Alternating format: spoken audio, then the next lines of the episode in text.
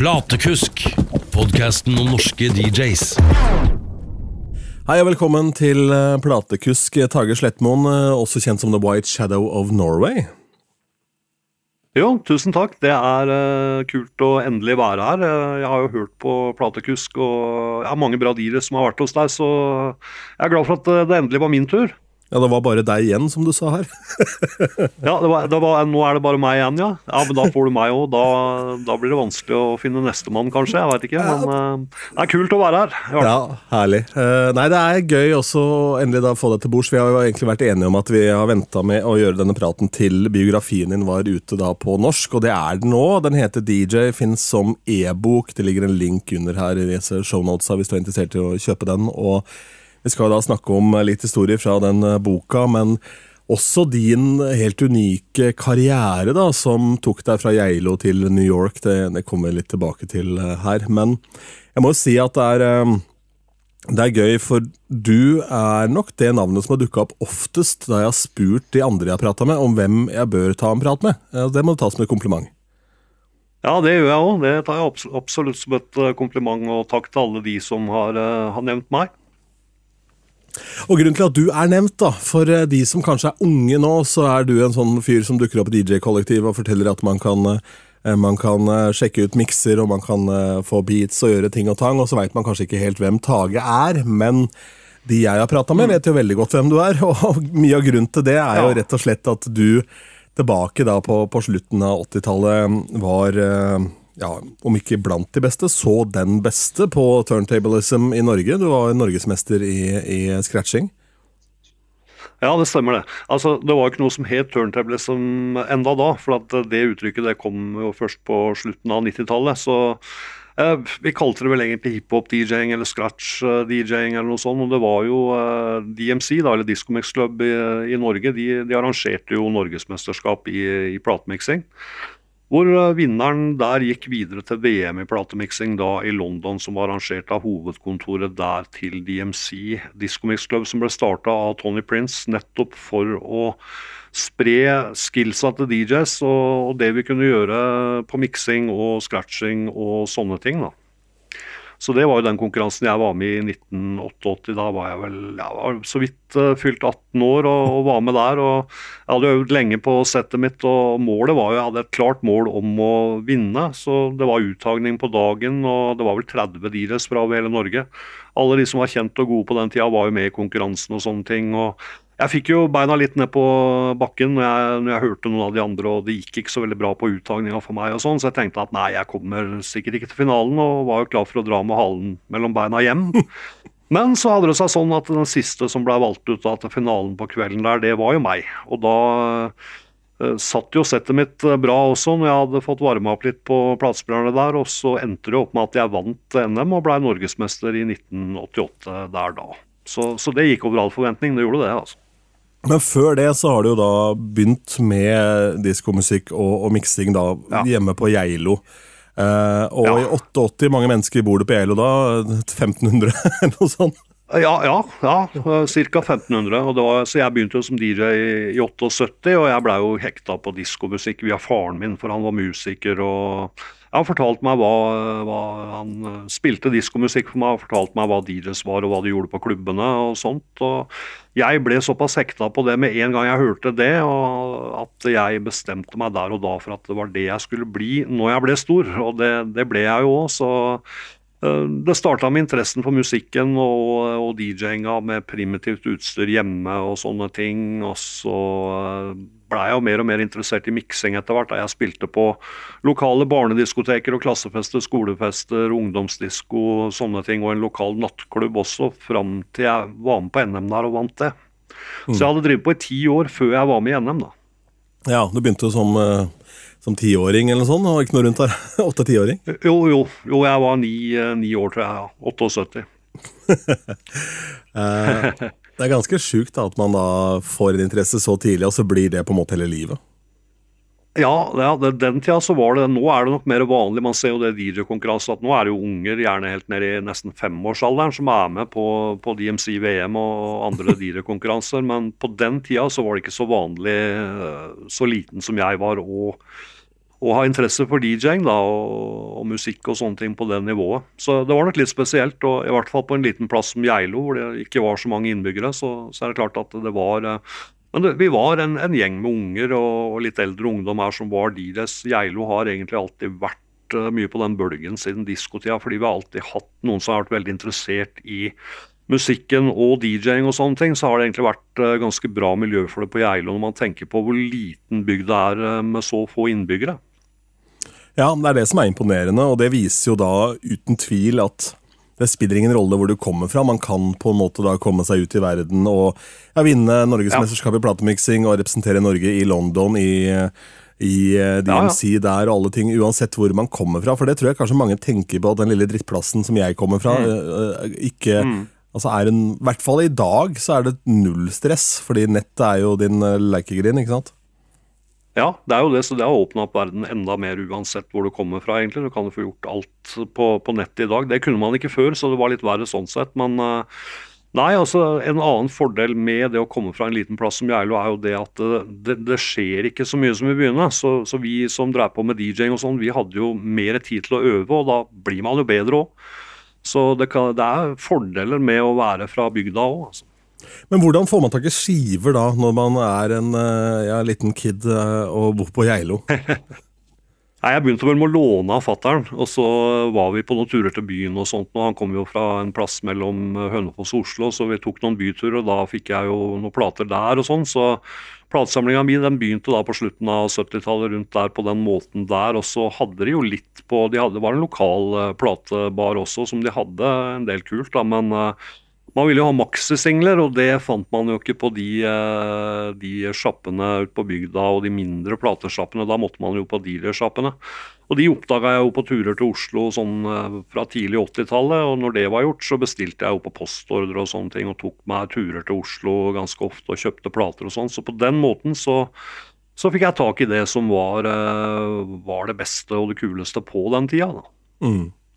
Og Hvordan finner man da ut hva som er det beste og kuleste? For det mm, visste man, vet man ja. nå via nett, men da var det å snakke med de i platebutikkene og andre DJs? da? Ja, man kunne gjøre det, men så var det jo, det var jo musikkblader uh, som man fikk kjøpt på Narvesen og sånne ting, som var uh, fra England og USA. Man fikk jo kjøpt Billboard og Record Mirror og noen andre blader også som heter Black Music og Blues and Soul, som uh, spesialiserte seg på urban dansemusikk og sånn. Så der fikk man infoen. Så hørte jeg på Radio Lux også, Radio Luxembourg, som uh, var en velkjent radiostasjon i mange tiår på mellombølgen, hvor Tony Prince, han som starta Disco Mix Club, DMC i England, han hadde jo sine egne diskoshow på radioen der, så jeg hørte på han.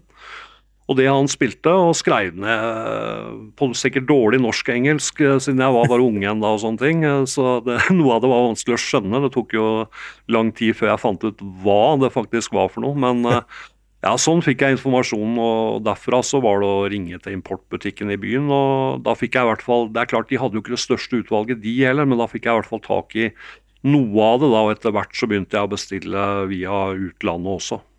Det har vært nydelig å være flue på veggen og prøve å forklare en eller annen tittel der, tenker jeg, på telefon til eh, Oslo. Hvilken låt du skal ja.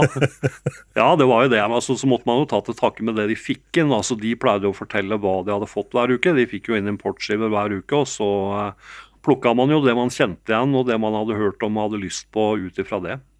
Ja, og da måtte man jo kjøpe det basert på det man hører, og så har man jo ikke kanskje hørt låta noen gang ja. før, da? Nei, man hadde ikke hørt noe annet enn på dårlig kvalitet mellombølgeradio, så man måtte jo ta sjanser, da. Men det var liksom nok til at man visste at ok, visste hva som var bra, da. Mm. Og så, ja, så, var det veldig likt, så var det veldig likt overalt, egentlig. Det uh, Altså Musikken de der spilte på klubber og sånn, det, uh, det, var veldig likt både i byer og på landet. Og egentlig New York, London, Oslo, Paris, uh, Stockholm osv. Det var mye av den samme musikken som ble spilt av Dires overalt. For det var jo et nettverk, som verdensomspennende nettverk der, der hvor folk fikk tak i skiver. Selv om vi ikke hadde internett. da. Det var litt, uh, litt mer tungvint med telefoner og reiser og sånn for å få kjøpt skiver. Men uh, det var jo det samme, bare en mer primitiv versjon av det. Mm, mm. Og da går du hen, da, og så vinner du da i 88. Og um, ja.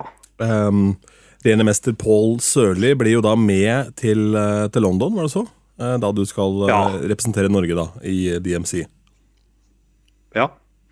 Eh, Det stemmer det. Vi tok turen til VM. Det var jo en del av premien også for å vinne NM, og man skulle være med i VM og sånne ting. Jeg hadde øvd mye før det, men jeg hadde ikke de største forhåpninger egentlig om å gjøre det så veldig bra der, for det var jo standard den tida at de DJ-ene som kom fra USA og UK, de vant alltid. Det var ingen som hadde vunnet VM i miksing så tidlig enda annet enn de som kom fra USA og UK.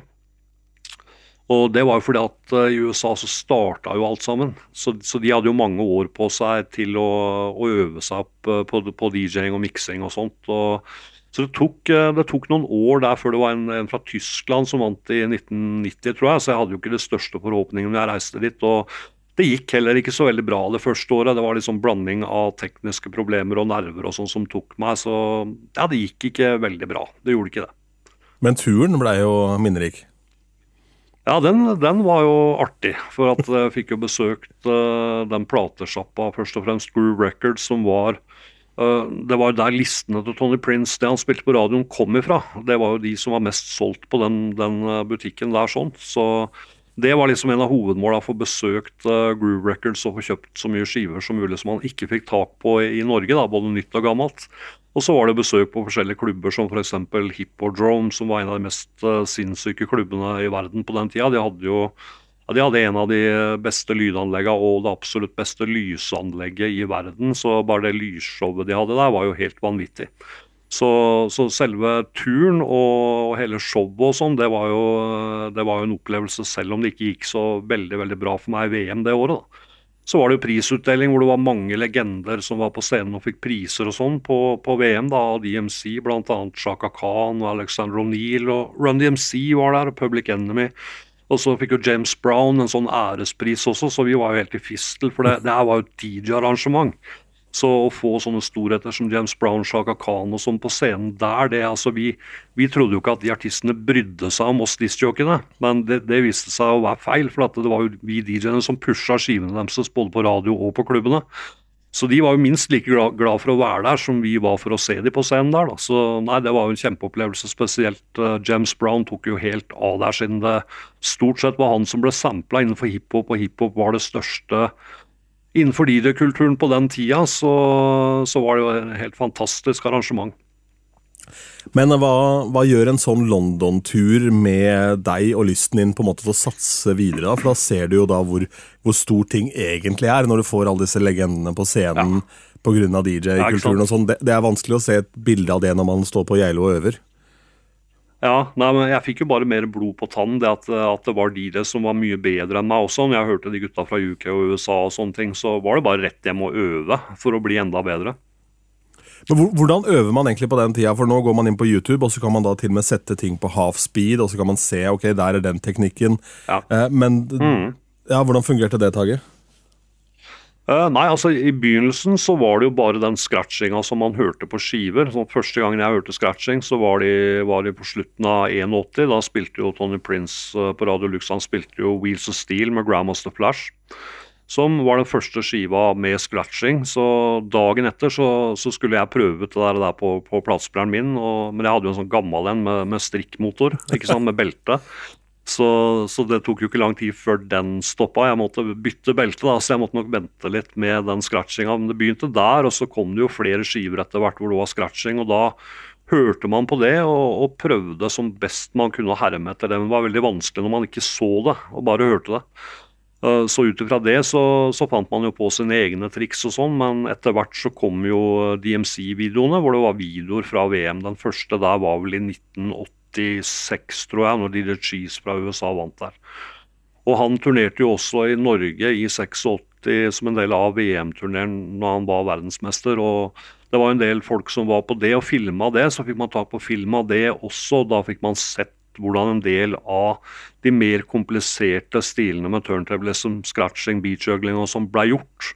Og det gjorde det mye mye lettere å, å bli oppdatert eh, selv og, og bli bedre selv. Da. Så det, det var måten jeg gjorde det på for å bli bedre.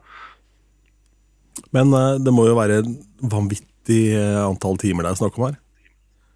Ja, eh, det er jo det. Altså, eh, det var eh, det kunne være opptil 10-12 timer hver eneste dag, og, og sånn drev jeg på i flere år. Så, så, det er klart, ok, noe av det er medfødt, noe av det er medfødte skills og talent og sånne ting, men det meste er jo øving og terping, altså. Det er jo det. Og da må man være gira på det deretter. Det er klart, jeg var maks gira på det. Mm. Mye muskelminne og Ja, rett og slett. Hæ? Mye muskelminne involvert også, som da rett og slett må læres opp da, og øves på. Ja, ja, ikke sant. Så det begynte med at man herma etter det man hørte på skive og så på video, og så fant man ut egne stiler ut ifra det når man drev og øvde. Så fant man på sine egne ting, og det, det er vel den eneste måten å gjøre det bra på i TurnTable, turntablism. Ja, det er jo det er den ene skillen som nå på en måte ikke software og data kan hjelpe deg sånn ordentlig med. da, så hvis du eh, ja. Ja, hvis du blir hva skal jeg si, eh, DJ, DJ, som kan scratching og litt turntablism, så er du da utvilsomt DJ, for det er så lett nå å bli putta i bås som at man bare trykker play. ja, akkurat. ja.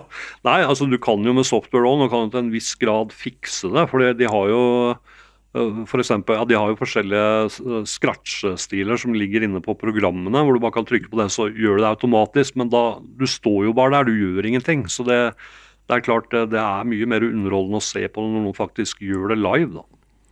Men dette med kan vi kanskje komme litt tilbake til, men dette med scratching og cutting og sånn, det er jo eh, to sider av den saken. Det ene er hvis du gjør det for en sånn showsetting som DMC, hvor man gjør et, et veldig kort sett hvor man skal vise hva man har av skills, og så er det da rett og slett å gjøre det på klubb når man spiller til dans. da. Uh, ja. Eller spiller til dans, det høres ut som det er et gammelt danseband, men altså man spiller for å få folk, få folk til å danse. Ja. Det er jo to vidt forskjellige ja, leirer. Ja, ja, det er det. Det er det, for at uh, På konkurranser så er det jo om å gjøre å få vist mest mulig skills i løpet av kort tid. Man har jo ikke mer enn noen minutter på seg til å vise ferdighetene sine. Og Da kjører man jo på med alt det mest tekniske og sånne ting. Uh, selv om det har blitt mer musikalsk, det og etter hvert har blitt en blanding av alt. Man må, man må liksom være allround der og nå for å vinne en sånn konkurranse, eller gjøre det bra i en sånn konkurranse. Og, men det er klart, ute på klubb så er det jo OK.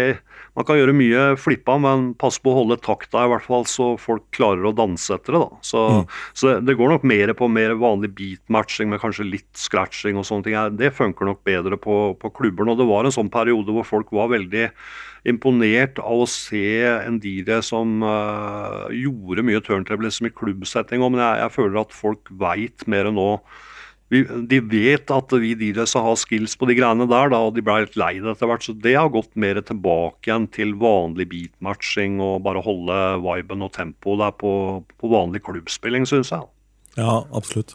Jazzy Jeff sier ja. egentlig ganske bra. Han sier at uh, scratching er da det er krydderet ditt. Du kan liksom uh, ja. ha salt, salt og mm. pepper og vindaloo, alt ettersom.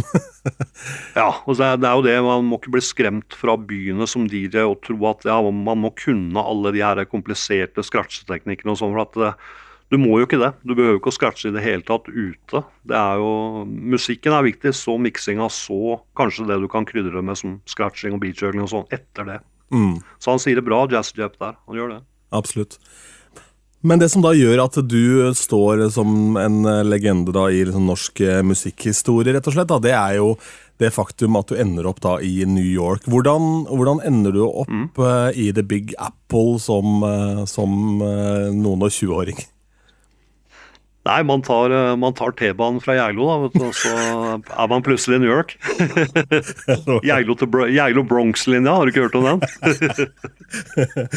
Nei, det er nok ikke sånn. Det, det, det, det var, var det at jeg vant NM. Det, det forandra hele livet mitt og DJ-karrieren min òg. Altså, det begynte med det, at jeg vant IMC-NM. fordi uh, jeg var med der i 89 også, da gjorde jeg det bedre i VM også. Jeg kom på tiendeplass da og var brukbart fornøyd og sånn. Og så i 1990 så Eh, så bestemte jeg meg for ikke å forsvare norgesmestertittelen min, så da var jeg bare dommer i Norge. Og så blei jeg med over til VM eh, i London det året òg. Da begynte jeg å bli kjent med folka på DMC og andre i DJ- og musikkmiljøet i eh, London.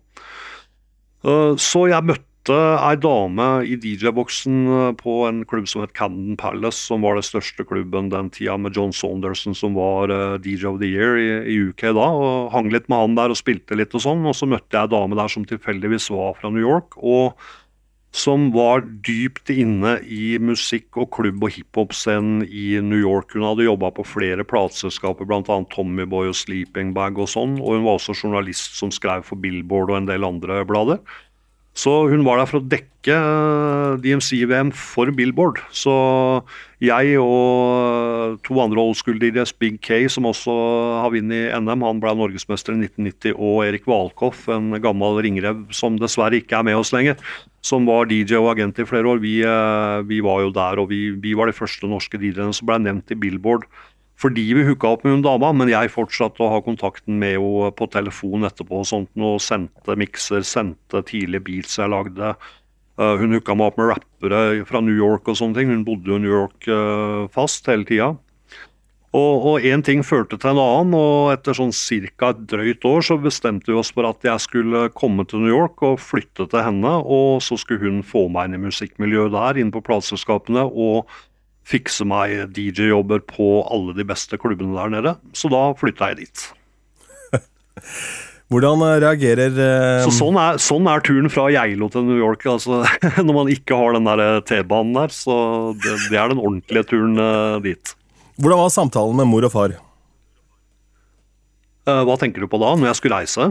Ja, For å fortelle at du, jeg har møtt en dame, hun kom på et utested jeg spilte i London litt, og så nå drar jeg til New York. Altså, Hvordan foregår den prosessen uh, med, med foreldra dine? Jeg, jeg, tror det lå såpass i korta og at det gikk så sakte at de, de klarte å venne seg til tanken. Ja. Fordi jeg hadde jo telefonkontakt med hun dama der flere ganger i uka, og sånn, så de, de, skjønte nok hvor det bar hen, uten at vi prata så veldig mye om det. Så, så det var liksom bare sånn lite hopp fra å sitte på med telefonen og til å hoppe på flyet til New York. Så, så de var ikke Nei, de var jo positive til det. Det, det vil jeg si. Det er klart, altså Man har hørt så mye rart om New York, og spesielt når man er fra landet og har sett masse filmer og sånn fra gettoen og sånn, hvor farlig det var. Og det var det jo òg. Så jeg, jeg, skjønner den bekymringa der. Jeg, jeg tenker litt tilbake igjen på det nå. og lurer litt på om jeg var vel bevart, og hvordan jeg i det hele tatt turte å ta det steget der. Altså. Det, for det er klart det var eh, Ja, jeg hadde spilt i London, jeg hadde spilt i Oslo mye, og Bergen og sånne ting, men altså, det, jo, det ble jo landsbyer i forhold til New York, og det merka jeg ikke før jeg landa der. Så, men det var den store drømmen min. Jeg hadde jo all musikken jeg vokste opp med, diskoen og DJs og hiphop og alt det der, det der kom jo fra New York, og jeg hadde veldig, veldig lyst til å oppleve det der det kom fra, og jeg hadde lyst til å spille der og være DJ der og, og komme meg inn i hiphop-miljøet der og, og, og, virkelig føle på kroppen hvorfor og hvordan hiphop og DJ-ing og alt det der starta. Det var bare én måte å gjøre det på, det var å ta steget og reise til New York. Altså, det var den store drømmen som jeg hadde, guttedrømmen, som jeg hadde hatt siden jeg begynte som DJ, nesten. Og som jeg aldri hadde trodd skulle bli virkelig, men så blei det det, og da måtte jeg bare hoppe ut i det. Uansett hva foreldra mine sa også, men de var positive. altså, de var det. Ja, ja, ja. Uh, men det var jo en ganske døll oppladning, for du trengte masse spenn og sånn for å reise over, så du gjorde jo en hel haug med ikke ja. så fete DJ-gigs for å tjene opp kroner og sånn. Du kan jo kan ta med den. Nei, jeg, jeg gjorde jo Ja, det kan vi gjøre. Altså, jeg, jeg gjorde jo vanlige DJ-jobber i Norge. Sånn, etter at jeg vant NM, så begynte jeg å jobbe for diverse agenter uh, i Norge. Og da, da, spilte jeg som vanlig DJ. Det var jo sånn uh, en måned på hver klubb, og så ble man bytta ut med en ny DJ. Man rullerte og, og reiste rundt om i Norge og sånn, så, så, det gjorde jeg. Så det var helt vanlige klubber. Spilte helt vanlig kommers. Jeg prøvde, jeg prøvde å, å, å, banke inn så mye hiphop og funk og house som jeg kunne. og det, Man lærte seg jo det der, der, med å spille en låt som lå på listene, og så kjøre et par, par kule låter man hadde lyst til å spille etterpå, og så var det tilbake igjen til listen eller en, en gammel slager eller noe sånt for å, få, for å holde gulvet, da. For å holde folk på gulvet, ikke sant. Mm. Så det drev jeg på med, og sparte opp penger for å få råd til, til det New York-oppholdet også. Helt klart. Men da er det ja. sånn å forstå at med unntak av noen stint da i London, så hadde ikke du spilt utenfor Norge før du plutselig skal gjøre gigs i The Big Apple? Nei, jeg hadde ikke det. Det var uh, når jeg var med i VM og de små klubb-gestspotene uh, i London, det, det, var det. Ja, så, shit. Så det blei nesten rett fra Geilo til New York. fordi den siste jobben jeg hadde for å spare opp penger, og den var jo nettopp på Geilo på et hotell rett borti gata her, og da var det rett derfra til New York. hvordan, var, hvordan var skriveriene og sånn i lokalpressen der da, om du reiser til New York? Altså, var det noe de la merke til, eller noe de gjorde noe ut av da? Nei, de skrev mer om NM. De skrev om det i ettertid. Når jeg flytta hjem igjen og, og begynte å produsere musikk og gi ut skiver og sånne ting, så, så har det vært mye skriverier. Både lokalt og ellers. Men uh, nei, de, de snappa ikke opp det så veldig. Og jeg var ikke så veldig sånn ute og reklamerte for det heller. For at jeg var jo bare sånn Ja, yes, endelig går drømmen min i oppfyllelse, liksom. Jeg skal til New York, så jeg var mer opptatt av å øve mest mulig. Så jeg var eh, så rå jeg kunne være på platespilleren og lage litt beats og sånne ting. Så jeg var klar da til jeg kom til New York, så jeg var ikke så opptatt av det å, å, å spre rykter rundt om at jeg flytter til New York. Så jeg sa vel til kompisene rett før og sånn at ja, nå stikker jeg. Så Nei, det var ikke så mye blest rundt eh, da i, i pressa lokalt sånn. Det var ikke det. Nei. Men da, da, kommer du da til uh, New York med ja, den T-banen som ikke er bygd ennå. Den linja som, som, er på gang. Tage, ja, det er drømmen min. Jeg planlegger den uh, Blogs uh, Geilo-linja. Ja. Men uh, ja, hvordan er inntrykkene? Min far han var på båt en tur og fortalte det at han reiste til uh, til New York på 70-tallet, og da var det jo ikke en skyskraper mm. enda som kunne kalles eller knapt et høyhus i Oslo. Nei, eh, og ja. Når er det du ankommer da i, i, New York? Det er 1990, var det det? 1991? Uh, 91. 91, ja. Ja, det er vel Plaza ja. akkurat ferdig, uh, men det er på det nivået. Det er ja, ikke noen barcode, for å si det sånn, i Oslo. Nei, nei, nei, ikke sant. Nei. Jeg mener vel Empire State og sånn var vel der hvis når faren din var der. Uh, jo, jo, jo, det, det som, han, det han kom inn han fikk jo nakkesleng, for han kikka jo bare opp. Han hadde jo aldri sett høyhuset i hele sitt liv. ikke sant? For, men ja. i Oslo da så var det jo ingenting. Men nå var det jo Du hadde jo fått Oslo Plaza, som var da et høyhus i Norge. Men uh, det er jo helt vanvittig selv den dag i dag å bare ta den taxituren inn fra flyplassen til New York, hvor du, du merker pulsen ja. blir eh, mer og mer heavy jo nærmere du kommer byen, liksom. Ja, du har vært der, du òg? Ja, jeg har vært der et par ganger, ja. Ja. Mm. Likte du byen? Ja, første gangen var en ganske heavy opplevelse, for da bodde jeg i DC. Det var en kompis som jobba som, eh, som eh, noe utveksling eller noen sånne opplegg på et museum der, som koder. De drev og, eh, ja. de drev og digitaliserte noen gamle arkiver der, og så var vi rundt, og da tok vi bussen inn, og da var det interessant, for da var det et, en uh, asiatisk familie som hadde en kinarestaurant i, i DC og en i New York som de kjørte busslinje imellom. uh, ja vel. Ja. Men da når jeg gikk av bussen her, hadde bare ni timer i New York, så fikk du liksom den der stanken av piss og søppel, for det var hetebølge i trynet som du aldri har opplevd i ditt hele ditt liv. da.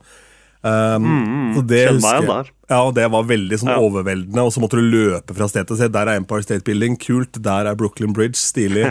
Her har vi sett ja. en flik av liksom forskjellige ting. Men gang nummer to hadde vi noen flere dager der, og da tok vi også den taxireisen inn på kvelden, ja. hvor du ser lysene og byen som kommer mot deg. Eh, og mm. veldig kul eh, Veldig kul eh, by, og det, det, er jo, altså, det er jo en smeltegryte av alt du kan drømme om, ikke sant? Ja, ja det er det. Det er, det er en sånn miniversjon av hele verden i en by. Ja, Absolutt. Og, og, det var jo altså hun eh, Dama jeg ble kjent med der, som jeg flytta til, hun endte jo ganske fort opp med å bli manageren min i New York. Mm. Og, og, en av de første tinga hun sa til meg når jeg kom til New York, det var, det var nettopp det vi prata om nå, at uh, jeg måtte følge godt med og legge merke til turen fra flyplassen i taxien og inn i byen. da. For at det sånn sakte, men sikkert så blir det jo større og større, og man ser, ser skyskraperne i horisonten der. og trafikken blir jo tyngre og tyngre òg, ikke sant. Så gradvis så blir man på en måte vant til New York, eh, eller i hvert fall førsteinntrykket av det, på den turen fra flyplassen og inn til byen. da. Og det var jo veldig mye høye hus når jeg var der. World Trade Center var jo der enda òg før, før 9-11 og alt det, så jeg fikk jo sett det òg. Så det var, det var, mange skyskrapere der da, innen den tida jeg, jeg bodde ja, ja. der. Så det var veldig, veldig stort. Og jeg husker det der med den lukta og hetebølgen som traff og sånn. For at jeg kom dit på sommeren, jeg også. Det var jo slutten av juli jeg flytta dit. Mm. Uh, det var én ting uh, manageren min sa til meg ganske fort, og det var det at uh, når du går ut på gata sånn, så ikke se opp, fordi at da Eh, da er det lett å skjønne at du er turist, og da, da, er det lett for at du blir rana og sånne ting. Så pass på at du ikke ser så mye opp, men det er veldig vanskelig når man har alle de her høye bygningene man aldri har sett maken til før og sånn. Mm. Så jeg lærte meg liksom bare, bare ikke bare holde huet rett fram, og så øya var veldig mye opp, da. Så det Så jeg, så jeg, fikk det med meg, liksom, da, men det var en av de råda jeg fikk at ikke gjør det. For det er sånn, det er sånn uh, typisk tegn på at, klart tegn på at du er turist. Og det, det, var det farlig å være. Det å gå rundt med kamera og ta bilder også, ikke lov til. Ja, det, det fikk jeg ikke lov til. Av høres ut som ak akkurat samme rådene jeg fikk. Tryggest mulig. Ja, jeg, akkurat samme Ja, det var råden det. jeg fikk når jeg var i Johannesburg. dette her. Ja, ja, det, ja, det er det, ja. ja. ja altså, det var jo et annet New York òg før i tida. Altså, det, det var først sånn mot slutten av 90-tallet sånn at eh, det begynte å bli klina opp litt mer, så det ble litt tryggere og sånt å være en så stor by. I dag er det jo relativt trygt. Det vil si en av de tryggeste storbyene i verden, faktisk. Men den tida så var det rimelig Texas mange plasser, altså. Ja, for det er jo lenge, lenge før det gikk for den der um, storopprydninga hvor man på en måte fikk eh, uh, Hvor de Ja. slo hardt ned på det å snike på T-banen. og så Det begynte med hele den der prosessen eh, der. eh, for å rett og slett bare begynt eh, så vidt da med mer politi og sånn overalt. Så det, det begynte så vidt i den tida jeg var der. Men uh, det var helt begynnelsen av den prosessen der. Men da kommer du deg dit, eh, og hvordan hvordan er altså opplevelsen av storbyen? Det er jo selvfølgelig overveldende, og sånn, men du har jo en helt klar tanke. Det syns jeg var kult når jeg leste boka, for det som skjærer igjennom, da, uansett hvor kult alt er i New York, uansett liksom eh, hvor mye, mye alkohol eller weed eller, eller damer eller hva enn det er snakk om, så er det det som er viktig, for det er musikk liksom gjennom hele fjøla. Og hvordan Ja, det er jo det. du er, du er på utesteder og klubber og husker hvilke låter DJ-en som var der, spilte og sånn. Det, det må jo ha vært et laserfokus og noen skylapper fra en annen verden? Ja, altså det, det, det er klart altså når man, er, når, man er, når man er spesielt opptatt av ting, altså de tinga husker man. Det er sikkert masse jeg har glemt også, altså, men jeg har jo vært veldig brainstorma veldig rundt uh, nå det siste når jeg har skrevet boka sånn selvfølgelig, for å prøve å få med alle de beste historiene og all den beste musikken òg. Det er jo masse platelister der og sånne ting òg. Men jeg har skrevet veldig mye lister over skiver og sånn i alle år, da, så jeg har hatt en del liggende og litt sånn dagboknotater og sånne ting òg, så jeg har ikke jeg har ikke, Alt har ikke sittet i hjernebarken på meg. da. Jeg, har, eh, jeg er flink til å huske, det, men eh, det er en del jeg har skrivende fra før der også, spesielt ting som har med musikk å gjøre. for Jeg har alltid vært veldig opptatt av det. og Hvis jeg hørte en gammel låt og ikke fikk tak i den da, så kunne man se tilbake på de listene og, og kjøpe den ti år seinere hvis man fikk tak på det da, f.eks. Altså, det var jo en annen tid enn internett. Nå kan man jo bare gå inn på Discogs og kjøpe whatever, eh, whenever, men det var jo ikke sånn da. Nei, og så er det jo det at snapper opp når det dukka opp, og da Ja. måtte man huske hva det var for noe. ja, og Nå er det jo sånn at det er så mye og så, så utrolig eh, lett å finne informasjon at det drukner i informasjonen du finner, omtrent. Ja, det er jo det. Det, det var det som var litt uh, ok med å være DJ før og sånn fram til housemusikken kom sånn på midten av 80-tallet. i hvert fall at uh, Man hadde jo egentlig full oversikt over alt som kom ut som var bra. da. Innen funk, disko, hiphop, i hvert fall R&B sånn. Ja. Så det kom ikke ut så mye skiver at man mista At man liksom mista tråden i det. Man, som disjockey så visste man jo om alt sammen. Det er jo helt umulig nå, og det har det vært i veldig veldig mange år. da. Men det er jo litt ok, for da kan forskjellige DJs få forskjellige, spille forskjellige låter og forskjellig musikkstil på forskjellige klubber også. Mens før så, så spilte vi jo mye av de samme greiene. Ja, De fleste DJ-ene gjorde jo det.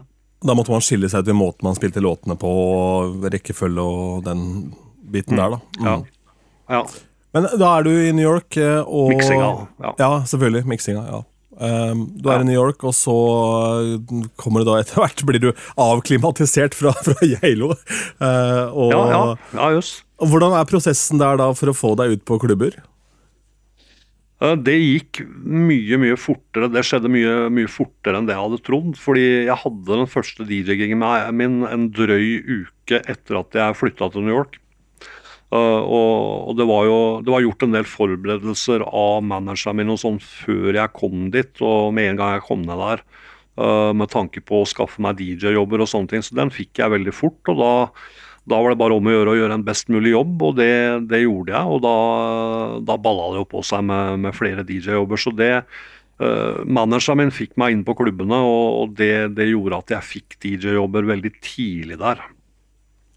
Og hva var det som gjorde da at du skilte deg ut uh, i mengden? For der borte så blir man jo en av hundrevis som er gode. Ja, altså Jeg hadde jo øvd veldig mye på miksing og sånn som sagt uh, før jeg reiste ned litt. fordi jeg trodde jo det at uh, DJs i New York de er sikkert så sinnssykt gode at hvis jeg skal ha noe sjanse i det hele tatt bare å få spille der, så er jeg nødt til å øve meg opp så jeg blir skikkelig bra, jeg òg. Uh, men jeg merka jo det fort at de var ikke så veldig på miksinga. Ja, altså de fleste DJ-ene kunne mikse helt streit og sånne ting, men Det var musikken de spilte som var viktig. Um, men du hadde altså på hiphop-scenen så miksa jo DJ-ene relativt mye, og jeg fikk jo høre de som gikk for å være de beste klubb-DJ-ene innenfor hiphop-miljøet der ganske tidlig. Jeg var ute på et par klubber før jeg fikk den første spillejobben og sånn. Uh, og da skjønte jeg at jeg hadde øvd mer enn nok for at, jeg, at jeg kom til å klare å slå de teknisk. Det, det, kom ikke til å bli så veldig problem, så jeg måtte bare jeg fulgte veldig godt med på hva de spilte, hvilken skiver som uh, var store der nede og sånn. Og så overførte jeg den miksinga jeg hadde til de samme skivene, så da hadde jeg et S der i forhold til de fleste andre klubbdealers i New York, i og med at jeg var bedre på miksinga. Og, og da spilte de, de kuleste tracksa òg, så så uh, fikk jeg et godt rykte med fra første spillejobben jeg hadde der nede. For da var du rett og slett megasulten, mens kanskje noen av de var litt mette òg? At det, det, gikk bra, liksom? Det ja, jeg var jo det. Jeg var, jeg var jo det. Ja. Mm. Uh, så, så, det er klart, sånn blir det jo når man har spilt uh, de samme klubbene. For det var jo, det var jo en bunke med, med større klubber hvor alle DJ-ene rullerte på, egentlig. Ja. Så det er klart, når man har tatt den runden mange nok ganger, så blir man metta på det uansett hvor gøy og kult det er. Man blir jo det. Men da hadde jo du vært på de største klubbene i Norge og spilt der for forskjellige bookingselskaper. Um, ja. Hvor, det blir et rart spørsmål, men uh, hvor stor forskjell er det da når man kommer inn i klubbsettingen i, i New York? Nei, det, det, det, kan sammenlignes på noen måter. Altså, det var jo ikke alle klubbene i New York som var så veldig store. Det, altså, det vil si at de tok så mye mer folk enn klubbene i Norge. Det var det ikke. Men det, det, var, eh, det, var, musikken vi spilte som var veldig forskjellig. For det vi spilte i Norge, var jo, jo VG-lista og kanskje litt av det mer upfront dansemusikken som kom fra USA og UK og rundt om i Europa og sånn. Men uh, det var veldig kommersielt å spille i Norge, da, i, i forhold, men der uh, kom du inn i et miljø hvor folk kjente Eh, den musikken man virkelig hadde lyst til å spille, som var den nyeste hiphopen og housemusikken, og, og, og, de som var der for å feste og danse sånn, de kjente jo den musikken bra, så man kunne spille den for fulle dansegulv. Det var jo det de hadde lyst til å høre og danse etter.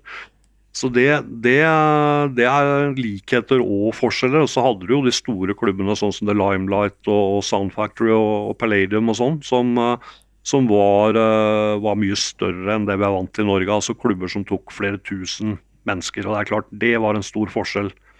Til og med fra den største klubben i Oslo, som ikke var i nærheten av det, da, sånn sett. Og så er det jo et faktum at New York er jo da en av verdens største turistbyer. Men de som er turister, er jo gjerne i New York for å oppleve New York. Så de ja. går ikke på byen for å da få noe musikk som de kjenner fra listene i Europa, hvis de kommer fra Tyskland eller hvor enn det måtte være. Liksom. De er jo der, og Du mm, hadde ja, en opplev opplevelse med noen asiatere som var litt artig, som du hadde i boka. Ja, det, det stemmer som jeg skrev i boka. Ja. Nei, det var jo etter at jeg hadde spilt i New York en stund. Det var på Limelight, det greiene her uh, spilte der. Og så var det noen japanske businessfolk og sånn som sto og digga verre ved siden av, av boksen. Det er klart, japanske businessfolk er jo uh, man, man, ser jo de for å være veldig konservative, ikke sant. Men de tok jo bare mer og mer av og sto og shaka der ved, ved boksen og sånn. Jeg var ferdig med settet mitt, da, så uh, tok de meg i hånda, bukka og skreik og ropte at 'Yes, this is New York'!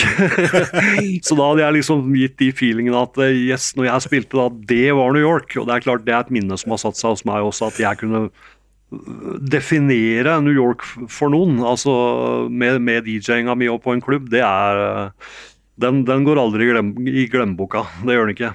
Ja, for å sette et eksempel på hvor konservative de er, så sier man jo da hvis man skal gå etter noen i en kø i sikkerhetssjekken på flyplasser, så er eh, japanske businessfolk det sikreste bettet, for det er det kjappeste og mest effektive du kan komme ja. borti. For der er alt strømlinjeforma.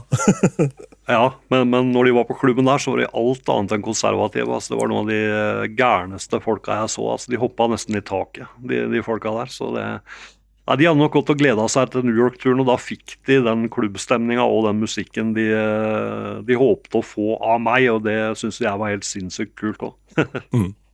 Hvordan var eh, eh, albuene? Hvor spisse var de da? Var det, var det, en gjeng, og var det en respekt sånn i forhold til at du hadde de skillsa du hadde, eller merka du at eh, det var en rivalisering der når du kom inn som en, jeg ja, kall det det det var, en drittunge fra Norge? Ja, ikke sant. Eh, det gikk jo veldig sakte, det også. Jeg blei jobba inn der også via plateselskapene og blei kjent gradvis med andre DJs og klubbeiere og, og sånn. Så jeg blei altså jeg vil si at de fleste i det miljøet var egentlig venner. Det, det, var ikke så mye konkurranse, for det var, det var en så stor scene at uh, alle hadde skjønt for lenge siden at, uh, at det var mer enn nok til alle. Det var mer enn nok jobber til alle DJs og osv. Så, videre. så det var ikke så veldig den greia at man skulle konkurrere mot hverandre. Det var mer Altså alle deres var, uh, var gode kompiser, faktisk. så Man så det mye tydeligere der enn, enn man gjorde i Norge på den tida òg. Altså. Mm. Det er vel kanskje fordi altså scenen blir konsentrert, og for å da helt klare å finne, finne, veien i New York, så er man nødt til å være kompiser. Altså Ellers ender man bare opp med å sitte på hver sin tue og surre, liksom. Ja, det tror jeg. Og så er det jo fordel for alle. At, at alle er kompiser isteden og pusher hverandre opp og hjelper hverandre og sånn. Så, så, det blei på en måte en gjeng, den uh, altså DJ-eliten på Manhattan der og uh, på klubbene hvor jeg spilte òg, som, som hjalp hverandre. Det er klart det var litt grann konkurranse. Og det er klart det, det, var nok noen som, noen som, sendte meg litt sånn stygge blikk bak ryggen på meg. jeg, altså, Siden jeg kjørte på så heavy med miksing og sånn i forhold til mange av de andre. da, At noen, noen så på meg som en trussel òg, men det var liksom sånn ja det er greit så lenge du kommer her og gjør gjestediresett og sånn, men, men, ikke prøv å ta klubben min, liksom. Så det, det, det er klart det var litt uh, sånn konkurranse også. Ingen ville jo miste den, den gingen de var resident på til en annen DJ og sånne ting. og Det, det var en del sånne utskiftninger i New York. og og klubbeiere var jo veldig sånn at hvis en dealer f.eks. var syk og ikke kom seg på jobb, så, og det kom en vikar som skulle spille for han, og han var bedre, så tok de han og sparka den forrige DJ-en. Så det var ganske nådeløst sånn sett. da, men vi fant ut, vi DJ-ene fant ut at det beste vi kunne gjøre, var å, å være kompiser og og, og, og backe opp hverandre for å, for å liksom uh, for, å, for å, slåss litt mot det greiene der òg. Da, da ble vi mer safe alle sammen. Så det var veldig bra DJ-miljø der. Det var det. Men Litt sånn som uh, Øystein Greni fortalte de skulle varme opp for Rolling Stones uh, med Big Bang. Og ja. på lydprøven da så turte de ikke å spille To The Mountains, for den har en så hissig gitarsolo. For da var de redd for at ikke de fikk fullt lyd, lydtrykk på, på gigen. Ja, akkurat. Ja. Uh, og så spilte de To The Mountain, så da fikk han beskjed av, um, av um, ja, Nå har jeg glemt helt hva han heter, den andre gitaristen. Ikke Keith Richards, men den andre. Ja, da står det stille her. Ron, Ron, Wood, tror jeg. Ja, Ron Wood, ja, stemmer. Ja. Ron Wood. Ja, Fikk beskjed av Ron Wood etterpå og sa det var bra du ikke spilte den, for da tror jeg ikke du hadde fått fullt trøkk. Nei. så Det er en sånn kjent sak, men det er kanskje idet man eh, viser seg fram første gangen, så drar man ikke alle de villeste triksa sine, men så når man da Nei, men du skjønner, jeg gjorde det. Jeg gjorde oh, det i New York, og det var fordi jeg trodde at jeg måtte det. Altså, Jeg trodde at mm. New York Dealers var så gode at jeg måtte det. Jeg hadde bare hørt et par DJs før jeg spilte der. Så, så jeg gjorde det, og, men det, det blei jo fordelen min nå. Altså. Det, det blei det, men ja. det er klart noen blei litt nervøse pga. det. det det, det, var ikke vanlig å mikse så bra egentlig som det jeg gjorde. Altså jeg, jeg blanda klubbspilling med DJ battle-miksing. Ja.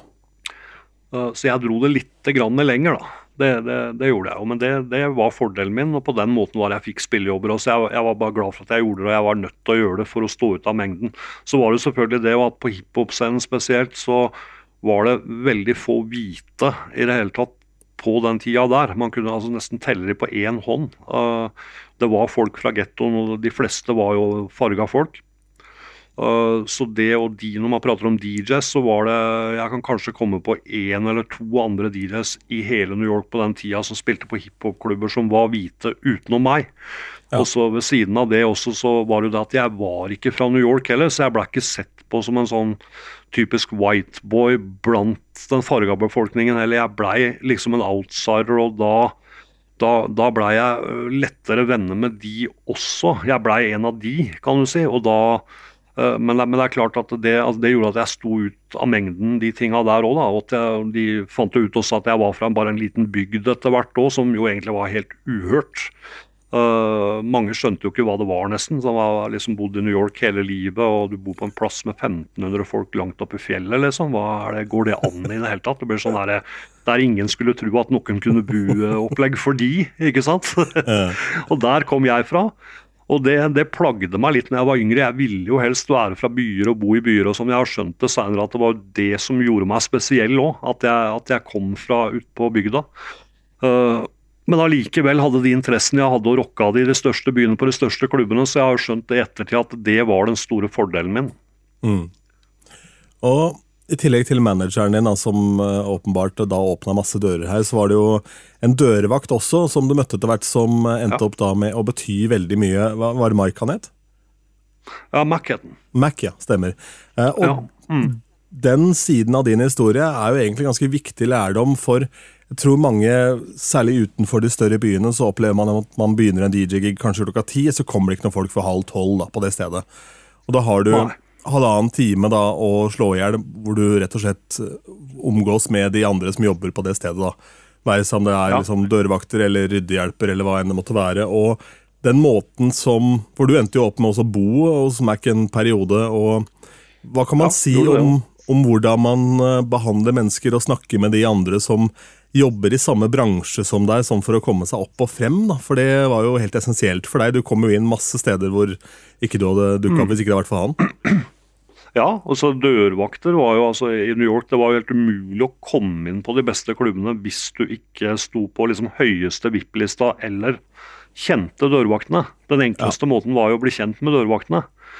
Uh, men, men, for meg så har det alltid vært naturlig. Sånn var det når jeg var i Norge. og Det var liksom arbeidskollegaene, de damene i baren og, og dørvaktene. Så de blei man jo kjent med. For det er som du sier, at uh, folk kom ikke før seint på kvelden. Og da uh, jeg i litt tid og sånn, så blei man sittende og spille poker med dørvaktene eller et eller annet sånt. sant? Så men altså, det er én ting som man kan ta lærdom av det greiene der, egentlig, og det er det at uh, alle DJ-gigs, uansett hvor stor eller små, er like viktig. fordi at uh, La oss si at du har en gig på en liten plass, og det er bare én kar som sitter i, i baren der hele kvelden. Så kan han ene karen være den som forandrer både livet ditt og karrieren din. Altså, så det er alltid like viktig. Mm. Og alle folk i, altså i, på klubbene, de som jobber i baren, DJ-en, øh, sjefene, dørvaktene, alle sammen er jo viktige for at det hjulet skal gå rundt. Det er like viktig. Godt eksempel Hvorfor skal vi ikke være venner med hverandre når vi er i samme bransjen? Liksom? Ja, ja, ja. Og så er det jo en ting som snakka om Prata med et brudepar. Jeg skal spille et uh, bryllup, uh, par i 50-åra, i, uh, i, januar. og da ja. prata om dette her med at jobben til en DJ på byen er jo ikke å få folk til å danse nødvendigvis, det er jo egentlig å selge øl, ikke sant? Uh, og, ja, ja. Og tjene ja, penger. Jo, I Norge så er det mye det. Ja, mm. det, det, er det. I Norge så er det mye det, for at det er barn som drar inn pengene. Ok, litt grann cover og sånn i, i, døra, men ellers er det barene som drar inn pengene. Sånn var det ikke i New York. fordi uh, mange av de, de, mest kjente og største og beste klubbene der var jo alkoholfrie. Oh, ja. Fikk ikke kjøpt uh, alkohol der fordi at Eh, det var lover og regler, og det var sånn at eh, hvis du skulle selge alkohol, så måtte du stenge klokka ett eller klokka to, eller noe sånt, men hvis du ikke solgte alkohol, så kunne du ha åpent så lenge du ville. Oh, ja. Og da varte jo festen i flere døgn òg. Uh, eh, uten, uten, alkoholsalg. Så, uh, men det er klart, altså, noen av klubbene hadde jo Man har jo hørt om at de hadde, de hadde punchboller med, med forskjellige Uh, hva skal jeg si, ja, forskjellig dop uh, dytta oppi og sånne ting. Så, ja. så, folk drakk jo det. Så altså, når det ikke var alkohol, så var det jo, var det jo dop. ikke sant? Folk, uh, men, men, som regel ikke så mye av det på klubbene, litt det òg. Men det er klart folk tok det de trengte før de kom, uh, for å være der og danse i mange timer. Så det er klart det var ikke noe sånn der gladkristent avholdsmiljø. Det, det, det, var det ikke. altså. Alt annet enn det. men men det typisk for mange av de var at de ikke, ikke solgte alkohol. i hvert fall. Og, men altså, alt var jo basert rundt musikk og dansing først og fremst. Så det er klart, ok, folk tok dop, men det var jo ikke alle som gjorde det. Og det var ikke det som var viktig, det, det ble en del av partyet. Men um, musikken, DJs og dansinga var jo det som var viktigst for de fleste på den klubbscenen i New York. Og, og det samme gjelder jo hiphop-scenen der borte. Ja, absolutt. Og hva Men hvor man kunne gjort det i Norge, det spørs. Altså, om, kunne, om, den hadde gått i Norge. Altså, jeg vet, det er vel noen som har prøvd å kjøre alkoholfrie plasser og sånne ting, men eh, nei, jeg vet ikke. Det, på, I Norge så har det alltid vært mer det at uh, alkoholsalg i baren er det som drar inn penga. Men man får egentlig en mye bedre stemning rundt det når man skal danse og, og, spille den type musikk og sånne ting eh, når man ikke har alkohol, for det blir ikke den rølpefylla. Det blir ikke alt, altså blir, Mange blir jo ganske aggressive av alkohol, ikke sant. Ja. Så det blir, ikke, det blir ikke den der. der. Eh, det blir jo det blir en mer fredelig vibe og, og folk som er der for musikken og dansinga. Og der har de litt å, å lære i Norge. Jeg mener Når de største klubbene i New York kan bli legendariske og gjøre det på den måten, så kunne vi kanskje klart det i Norge hvis noen har turt å, å ta sjansen. Men det er jo en veldig heftig omstilling. Vi er jo verdenskjente for å ha hard helgefylle ja. her, så Ja, vi er det. Det er, det er, en stor omstilling, men vi må, må begynne en plass. da. Må begynne ja. i det små, da, i så fall. Det er nok noen som gjør det. Sånne små privatklubber og, og sånne ting som som prøver å leve litt mer den greia der hvor eh, dansen og musikken står i sentrum. og Sånn ja, sånn som tidlig house-kulturen i Norge var jo, var jo, en del sånn. Mm. Men uh, hvor langt og, er et DJ-sett, da? Bra klubben i New York. Hvor langt er DJ-sett i New York? Hvor, langt, hvor, lenge spilte du når festen kunne vare i flere døgn? Liksom? Uh, ja, det varierte veldig. Uh, det var alt fra liksom, Når jeg gjorde guest spots og sånn, så bare gjeste-DJ-ing og sånn, så var det kunne være en time eller to, eller kanskje bare en halvtime av og til. Kanskje jeg bare gjorde, gjorde et lite sånn turntables-type show av og til òg, men det hendte jeg spilte hele kvelder også, hvor det var mange timer. Og after hours-klubbene der nede, det var jo gjerne sånn at de åpna klokka fem om morgenen, og så spilte man til klokka sju om kvelden. Så da var, det, da var det party som døgna. altså Det gikk i, i flere døgn gjerne, og det var jo i helgene så var det alltid after hours-klubber og sånn som var åpne. så så, og Det var jo de villeste festene ofte, og de after hours-klubbene. og det, det, finner man Ja, det har vært det i Norge òg, tror jeg. altså. Så men det tok litt mer av der. De, de festa litt hardere og litt lenger, da. Ja, det var morning clubs, men det var vel delvis illegale til en viss grad? i hvert fall. Waterfront og sånn i Oslo. Ja, de var det. Ja. Mm. ja, de var illegale. Og det var sånn at de som sto i baren, de hadde de hadde noen flasker med, med vodka og sånn i, stående i bilen sin noen kvartaler unna. Så når det begynte å bli tomt i baren, så, så, sprang en av de ut og henta det i bilen og tok inn en ny flaske, og sånn serverte de uh, gjestene som var der. Midt i New York. Så man skulle ikke tro sånt var, uh, var mulig. Det, var, det er klart De var ikke så store, de After Hours-klubbene. Det var jo sånne som tok kanskje 500, så var det pakka med folk. Men det er jo, det er jo en del folk, der. Hvis du skal ha drinker til alle de, så blir det noen turer ut i bilen. ja, det gjør det. det er fint å vite hvor den bilen var. Bare ta et lite brekk der, så har du jo party for å ja. Kan arrangere bryllupet ditt ja, uten problem. Mm. Ja, det hendte jo sånne ting som det der, og da, da blei det ikke noe mer alkohol den, den, kvelden. Da fikk de bare kjøre på det de hadde sjøl, og så eh, var det bare dansing og party resten. Men det er litt sånn eh, finurlig det der med DJ-sett. Så jeg hørte Pete Tong fortalte første gang han booka David Morales til, eh, til Ministry of Sound i London. Så mm. eh, kommer da Pete opp, for da David Jeg lurer på om han var nest siste ut eller noe sånt på Ministry. Eh, og ja. kommer da Pete opp og sier ja, nå er det siste låt, liksom. Da hadde han spilt i to timer, da. Og David ja. uh, Morales hadde jo da ikke fått med seg det at det var to timers gig, for han var vant til å spille fem-seks timer. Så han bare uh, what ja, the fuck? Han hadde så vidt begynt å varme opp, liksom. ja, nei, han fikk ikke, fikk ikke spilt hele flowen i settet. Nei. Nei, for Nå er det jo veldig vanlig at DJs, i hvert fall på festivaler, som kanskje gjør 1 time og 15 mm. eller 1.30, to timer, men ja det er stor forskjell på å gjøre da. det og kunne pakke og pike settet ditt hele veien, kontra å gjøre en klubbkveld. da. Ja, det er jo det. Og du får jo ikke oppbygginga heller når det er sånn at de de skal spille bare én time eller maks to. Da får du bare piking hele tida, for de vil jo ha party på topp hele tida. Men oppbygginga er jo viktig. Det er jo det som er. Ja, altså marinere folk skikkelig? Det, ja, det er, det er, jo det. Så, men så var det kanskje sånn at folk gikk ut tidligere år i New York ofte. altså sånn at de um, Og gjerne festa døgnet rundt. Da er det klart, da, da kan du ikke ha peak time hele tida. For det, det, orker jo ikke folk til slutt. Da, da går det jo bakken hvis du skal danse peak uh, hele tida. Så det kan ha hatt litt med det å gjøre. Men det er, ikke, er det ikke tilfeldig at det var New York de, de, som David Morales som sa det der, der. For at man blei vant til å spille sånne lange sett hvor man bygde det opp fra helt rolig, kanskje bare, bare noe gammel jazz eller ambient eller noe sånt, og så bygde det gradvis opp derfra til peak, og så ned igjen til tidlig om morgenen, hvor man spilte såkalt sleaze-musikk eller morgenmusikk som var litt mer downtempo og litt mer sleazy og sånne ting. Før, før det var på'n igjen på nytt på, på After Hours-klubbene. Så det fortsatte jo sånn der, og da Det var peaks and valleys, det da. Det måtte jo bli det. Eh, David Morales er egentlig en fin overgang til, eh, til, det miljøet du ble en del av, de menneskene du møtte. For det var jo en av DJ-ene der borte som du eh, da etter hvert fikk et forhold til og også spilte for. Ja, eh, altså han hadde jo en klubb der som het Red Zone. Uh, så jeg gjorde en, en, sånn gjestespilling der en gang. Men jeg kjenner ikke Morales så veldig veldig godt personlig, eller noe sånt, men det var en av de tinga som manageren min fiksa. Så det var en av de klubbene jeg spilte, og det var en fet klubb, det. Det var en av de beste house-klubbene i New York, og David Morales spilte der uh, mesteparten av tida. Og, og, Det var jo mange andre DJ-legender òg som gjorde det enda, sånn som Frankie Knuckles var jo i live da, han spilte jo. og Larry Levan også til en viss grad. Han pleide å henge med Frankie på, på Sound Factory og sånne ting. Og T. Scott og Juni Vasquez og alle de andre DJ-legendene fra New York. da. Så når jeg spilte på Sound Factory, så fikk jeg jo møte alle de folka, alle de legendene der sånn før vi gikk på, eller vi, var, vi skulle på å spille.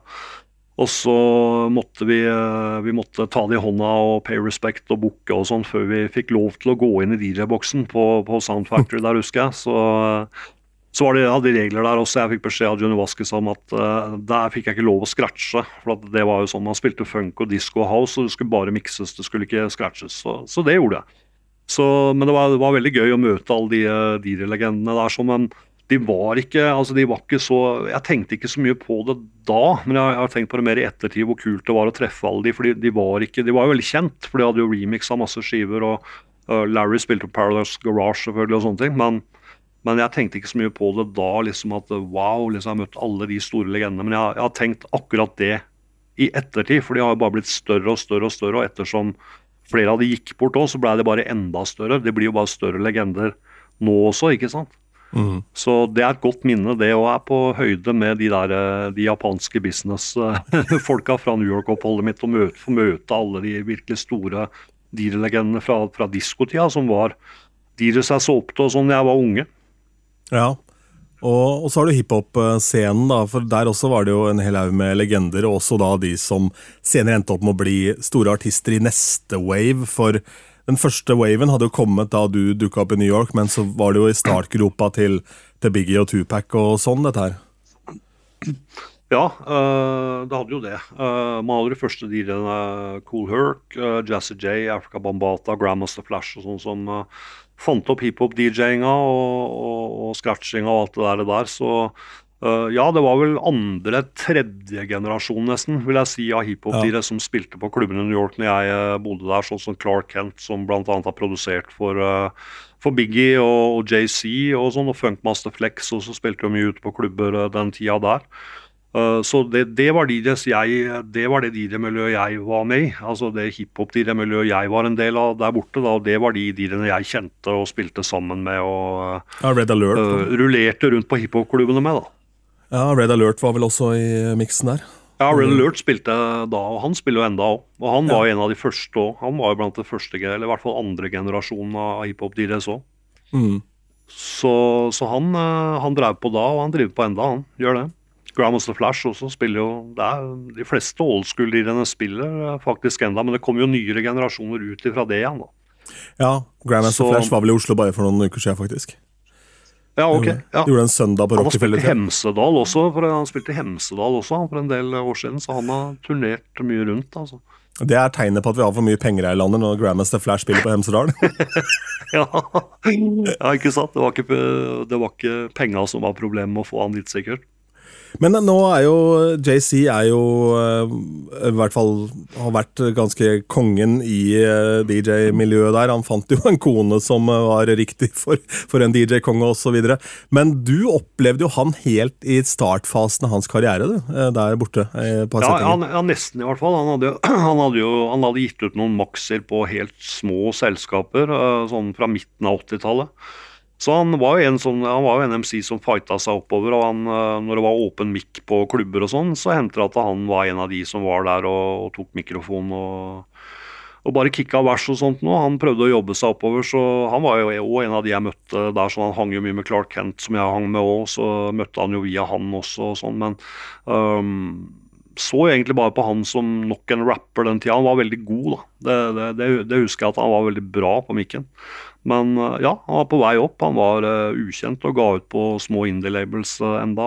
Og, se nå, hvor, hvor han er nå, det, det er ikke så mange forunt, de greiene der, så han har nok tatt de, de rette sjakktrekka han opp gjennom hele karrieren sin for å komme dit han er nå. Altså. Det er ikke mange fra Det er vel ingen egentlig fra hans generasjon med rappere som er, er så stor som det han er enda, da. Nei, eh, det var jo Det kunne vært Tupac og Biggie, men du ja. veit jo hva som skjedde med de. Så. Ja, jeg, jeg skulle akkurat til å si det. Det ble på en måte Ja, du har jo Nå er vel ikke han så stor som rapper, da, men du har jo Puffy, da. Sean Combs. Um, som også som ja, businessmann har betydd veldig mye. Ja, produsent og ja, ja. Men det så, samme er jo da til en viss grad uh, eh, JC. Så ja. Mm. Det er et eller annet med dette Shaun-navnet, som tydeligvis har, har en ja, innvirkning. Ja, det er lurt å, hete, lurt å bli døpt, det. det ja. tydeligvis, ja. Men du møtte Biggie også uh, i en uh, setting? Jeg gjorde det. Det var også lenge før han var kjent. Han var, jeg pleide å spille på en platesjapp i Brooklyn som ja, Det var noen jeg ble kjent med på, på, en klubb jeg spilte, på en spilling jeg spilte i New York. Han tok noen bilder der og sånn. Og så uh, inviterte han meg ut til platesjappa si i Brooklyn for å DJ der. Og der møtte jeg bl.a. Biggie og noen fra crewet hans og noen andre folk uh, utafor der og som var der når jeg spilte og sånn. Så det var en sånn wow-greie i ettertid, for han var jo ikke kjent i det hele tatt. Han bodde jo ikke langt unna meg. Jeg flytta jo til Brooklyn etter hvert. Jeg flytta mye rundt til New York. Jeg bodde hos manageren min på Manhattan først, som var en av de tryggere strøka i New York. Og så bevegde jeg meg ut til de mindre trygge områdene på Manhattan og Harlem og, og uh, flytta til Brooklyn etter hvert, så jeg, jeg, bodde ikke så langt unna Biggie der heller i Bedstad. Så jeg møtte jo på han ganske ofte på platesjappa der og, og sånn. Og han hadde nok begynt å rappe, men han var ikke sånn altså han, han, han fortalte det ikke til folk ennå. Nei. Så han var bare en av gutta som hang rundt der, men så, så ble det jo kjent etter hvert at han var en veldig bra rapper òg. Ja, for det må jo være lov å si at han var. ja, det, det, kan man si uansett.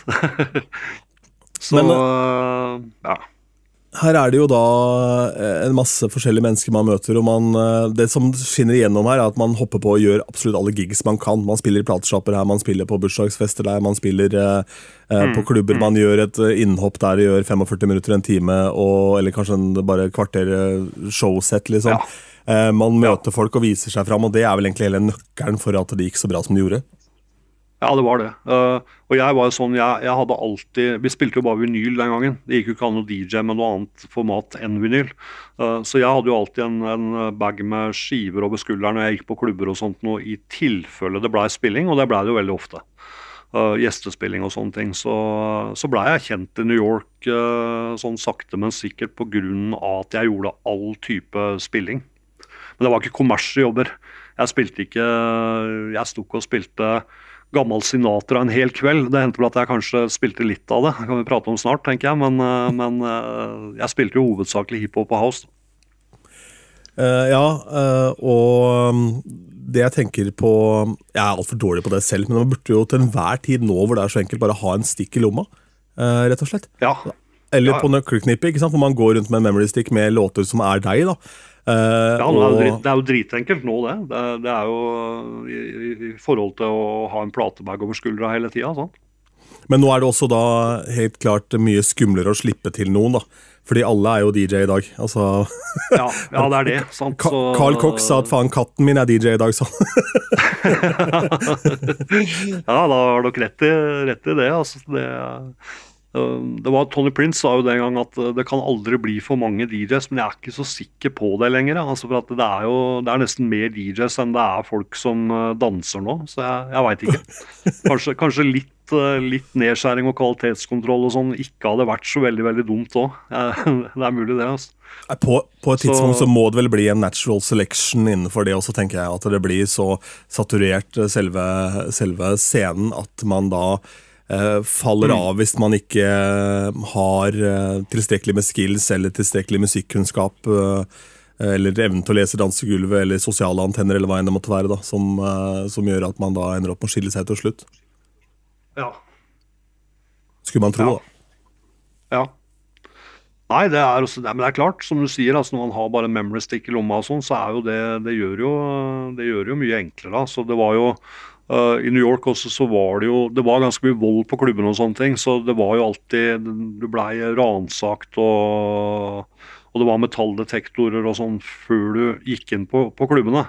Så den platebagen min den var jo et problem en periode, for jeg kom med en bag, og den var de veldig nysgjerrige på før de visste hvem jeg var. og da Uh, den blei jo sjekka for, for, våpen, ikke sant? så jeg ikke tok med noe skytevåpen eller andre våpen inn på klubbene. Så, men etter hvert, så når jeg ble kjent med dørvaktene, og der kommer vi tilbake igjen hvor bra det kan være å kjenne dørvaktene, så lot de meg bare slippe rett inn, for de visste at ja, det er han. Det er han DJ-karen som uh, møter opp med skiver på overalt.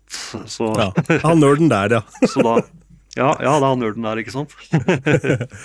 Men uh, du har jo én gig da som, som, skiller seg spesielt ut, er jo da du spiller på Studio 54, gamle Studio 54, som da heter The Ritz. Og det er jo mm. en ganske spesiell gig i utgangspunktet. altså Ta oss litt igjennom den. Dette er én av enormt mange historier i boka di om gigs på legendariske steder, men jeg tenker vi kan, eh, for ikke å avsløre for mye, så kan vi ta, ta den her, og så kan vi snakke litt om Frank Sinatra etterpå. Og så kan, kan du bare ta mitt ord på at her er det mye mer krydder i den boka her. Uh, og ut ifra samtalen vi har hatt nå, så tror jeg også kanskje at veldig mange skjønner at her er det ting å lære uansett hvilken, hvilken scene man befinner seg, befinner seg, i som DJ. da. Men ja, The Ritz. Ja, Uh, den største spillingen jeg hadde i New York, det var jo på en plass som heter The Ritz. og Det var en konserthall uh, som hadde vært en klubb før, og det var Studio 54. Uh, legendariske diskoklubben. Uh, på samme plassen der, gjort enda litt større da når de hadde gjort den om til konserthall. og Der skulle det være en stor hiphop-konsert med Boogie Productions, som var jo KRS One og sånn. Som var et crew som jeg var med i der nede fra før av. Så jeg fikk jo forespørsel om å være DJ på den kvelden de skulle ha konsert der. Så det var flere av de største hiphop-gruppene i New York. og De trengte jo DJs eh, før og imellom acts og etterpå og sånt noe. og um, ja, Hele hiphop-eliten i New York var jo der. Alle oldschoolerne jeg hadde uh, hørt på skive og prøvd å herme til scratchinga til. og Alle de største hiphop-artistene og rapperne og sånn var der. og uh, og det var pakka med, med, med hiphop-folk der, så det var jo drømmespillingen uh, min. Så jeg var jo utrolig glad når jeg fikk den sjansen der og fikk den jobben der. Så jeg hadde med meg en uh, MC, en rapper også, som heter Tricky T, som var velkjent på 80- og 90-tallet. Han er mer sånn party-promoter i dag, men han var rapper og ga ut skive på Sleeping Bag Records. John the Fox er vel den største klassikeren hans. Så han var med meg som MC også da, for at vi skulle hype opp showet Max der. sånn, og Han var jo, han var jo med på hiphop helt fra gamle dager, fra old school-tida i Bronx også. Med, med Zulu Nation og Black Space og de gjengene som var der. Um, så vi bøtte opp der, vi, og jeg begynte å rocke party. Det var et sinnssykt anlegg der. Det var jo det var konsertlyd, så det var jo heavier enn noe, noe diskoanlegg jeg har uh, brukt før. Så Begynte å rocke der og hadde litt problemer i begynnelsen med platespilleren, og sånn, men fikk fiksa det. Og når jeg gjorde det, så kjørte jeg og fyrte jeg av veldig mye av, den beste miksinga og scratchinga jeg hadde. og sånn, så Folk gikk jo totalt berserk der inne. så jeg, Det var da jeg skjønte hvordan det er å være proff fotballspiller når du får det brølet fra folk mot deg. liksom, Det er, det er en sånn rus altså, som bare Det går ikke an å beskrive det. Du må, du må, du må ha fått den opplevelsen, og liksom, du vet at det er på grunn av det du har gjort, da. Så nei, jeg spilte jo all den uh, feiteste nye hiphopen og hiphop classics og sånn, og alle oldschoolerne digga det, og jeg fikk jo props fra Red Alert på scenen som sa at uh, we, got, we got motherfucking Jesus Christ on the turntables tonight. Så var det Africa Wambata kom og tok meg i hånda og sa I like you scratching, son. Og sånn, Så jeg ble med i Zulu Nation også etter det. og ble kjent med veldig mange av de DJ-pionerene og sånne ting uh, den kvelden der. og ja, Det ble total suksess, og det er den beste spillinga jeg noen gang har hatt den uh, på Studio 54 eller The Ritz der. Det er en ganske vill uh, greie, og hvordan uh, altså, tenk, hvordan... Litt på, tenk litt på fra, fra barnediskotek, fra klassefest på Geilo, til den. Ja. Den spillinga der. jeg prøver å ikke tenke for mye på det sjøl, men jeg, jeg, jeg, begynner å flire litt altså, når, jeg, når jeg tenker det. Det er ganske kult, og det verserer et bilde nå eh, som går viralt av Taylor Swift, eh, hvor hun spiller en sånn gig foran eh, fire personer. Hun har da en banner ja. nede på scenekanten hvor det står Taylor Swift, så hun står der med band og full pakke. Og så er det da neste, neste bilde er da sant, hver eneste stadion i verden er packed, og det er kø ut av døra åtte dager i uka for å se ja, henne. Ja. Alle må jo bare begynne et ja. sted, selv på Geilo. ja, må det. Ja, ja, ja. ja. ja det er Mange har begynt ut på landet. De har det, altså, Ta en sammenligning, så DJ Noise, som er veldig kjent turntable, som har vunnet alt som er av konkurranser og sånn, gjorde det på 90-tallet. Han er jo dansk, og han, han, kommer fra en sånn liten bygd som er uh, enda mindre enn Geilo, faktisk. Og han har opplevd mye av det samme som meg, egentlig, i hiphop-miljøet New York, og med DJ-konkurranser og turntablism og spilling og sånne ting. Så det er fullt mulig. Det er det. DJ Noise tenkte jeg på i stad når vi snakka om dette med DMC og at det var så få europeiske mestere og sånn. Hvor viktig tror mm. du DJ Noise har vært for da dansk altså tilfang av DJ som ble interessert i den biten? Vi hadde, ikke, vi hadde jo ikke det samme. altså Svenskene har jo vært helt rå på det med House og EDM. Mens vi i Norge ja. har på en måte ligget litt etter fram til nå de siste åra med da Kygo og, og Alan Walker, og sånn, mm. som har blitt liksom fyrtårn. da. Det er litt sånn eh, kultur tilbake i tida, for at svenskene var veldig rå på disko nå. De var veldig tidlig ute med det og den tidlige DJ-kulturen og miksinga der òg. Så de har vært med hele tida. Og, og, Danmark var veldig på hiphop-greia. De var, mm. var, veldig gode på det, husker jeg, helt fra 80-tallet, og veldig store på det. og Flere danske DJ som flytta til New York før meg og spilte på klubber, klubber der og sånn. Noen av de sånn som DJ Duke og Soulshock og Cutfather og sånn, inspirerte jo meg til å gjøre det. Ja. Uh, det var en av inspirasjonene til at jeg gjorde det. For jeg tenkte ok, kan de gjøre det, så kan jeg gjøre det òg, liksom. Så jo da, det er litt større land, og da blir det litt flere folk som er gira på det og sånne ting. Så, ja, mer kompakt land, da, kan man også si. Norge er jo veldig langstrakt og rart. sånn sett. Ja, og så er de de er, altså, de er litt sånn, eller var i hvert fall, det har jevna seg mer ut, men de var i hvert fall på den tida der, 80-tallet, 70-, 80-, 90, så var de, de var litt mer åpne for nye ting i Sverige og Danmark enn vi var i Norge. Det, det tok litt uh, lengre tid å få arbeida inn spesielt sånne urbane ting som hiphop og scratch-mixing og, så, og turntablism og sånne ting i Norge. Det, vi var jo uh, noen ildsjeler, men det var mye færre av oss. Altså det, det, var jo forbudt å kjøre rullebrett eller skateboard i Norge fram til 89. Det var det jo òg. Ja, ja, ja, det var jo det. Ja, Så var det et rart land. Det var jo sant, det. Uh, ja, det, det, det tar sin tid. Altså, ja, litt sånn der målboland, det var det, det. Men altså, når en, når en ting først et, blir ordentlig etablert i Norge, så forsvinner det jo aldri. Nei. Da er det så godt uh, poda inn at uh, altså, da kan det være artister som er ikke noen uh, i andre land i verden bryr seg om lenger, men i Norge så De kan komme til Norge, for at her er de stjerner forever, liksom. sant? Så det er litt sånn greit når du først liksom får komme deg ordentlig Når Norge blir ordentlig på greia, så gir det seg aldri med det. Så det er jo det er bra. Ja, Jeg vet ikke om det er bra eller dårlig. Det var uh, prata, prata med han, han, som er manageren til bandet Hellbillies. Han booker også Smokie i Norge. Og han fortalte ja, meg da han ja. booket Oslo konserthus for å skulle ha Smokie der. da, så eh, hadde mm. de som leide ut det konserthuset spurt men tror du det ble fullt, det er jo midt i hovedstaden. Så, det er nok av folk som ja, røyker rullings og liker brystpanel her også, slapp helt av. ja, det er alltid et miljø. det er Dess større by, dess større miljø for det òg. Helt klart. Uh, ja. For å gjøre oss ferdig, Vi skal ha et par sånne quickfire på slutten som er litt sånn generelle, men jeg tenker vi kan gjøre oss litt ferdig med mm.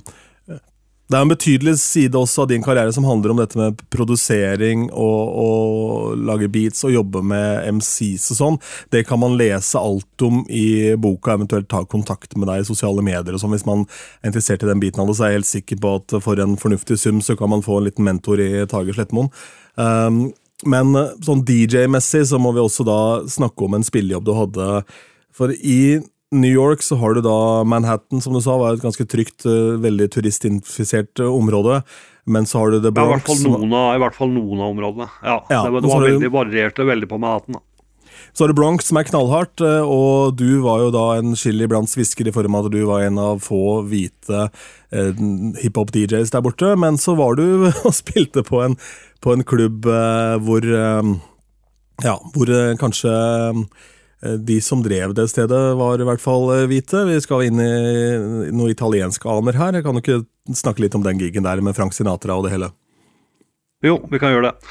Uh, altså det var jo Som jeg sier i boka, så var det det er klart det var ganske mye vold og skyting og sånn ute på, på, klubbene. Og det var ofte at det skjedde på, på hiphop-klubbene. Det var folk fra, fra hooden og gettoen og sånne ting, og da får du de episodene. Så det var ikke det var ikke så veldig trygt, da, men det var én ting som var verre enn hiphop-klubbene, og det var de italienske mafiaklubbene. Og jeg spilte på, på en av de. Og jeg Hvordan endte du opp der? Være, nei, altså, jeg, Manageren min var manager for flere DJs, og han ene karen der han pleide å spille på en mafiaklubb langt ute i en av de italienske nabolagene i Brooklyn. Uh, men han trengte en vikar en fredag, han skulle et eller annet så han spurte meg da om jeg kunne tenke meg å spille der, og jeg sa jo alltid ja. Altså, når jeg var i New York, så jeg sa aldri nei til en DJ-jobb, så jeg gjorde det. Og så, Men jeg hadde jo aldri vært i Brooklyn. Jeg flytta til Brooklyn etter hvert, men det, var, det her var jo lenge før det, så jeg hadde aldri vært i Brooklyn før. og ja, det var masse tog som måtte byttes og greier og greier. og greier, Så manageren min blei jo med meg ut der, så jeg ikke skulle hoppe av på feil plass, og i verste fall i gettoen. Sånn at jeg ikke kom hjem i det hele tatt.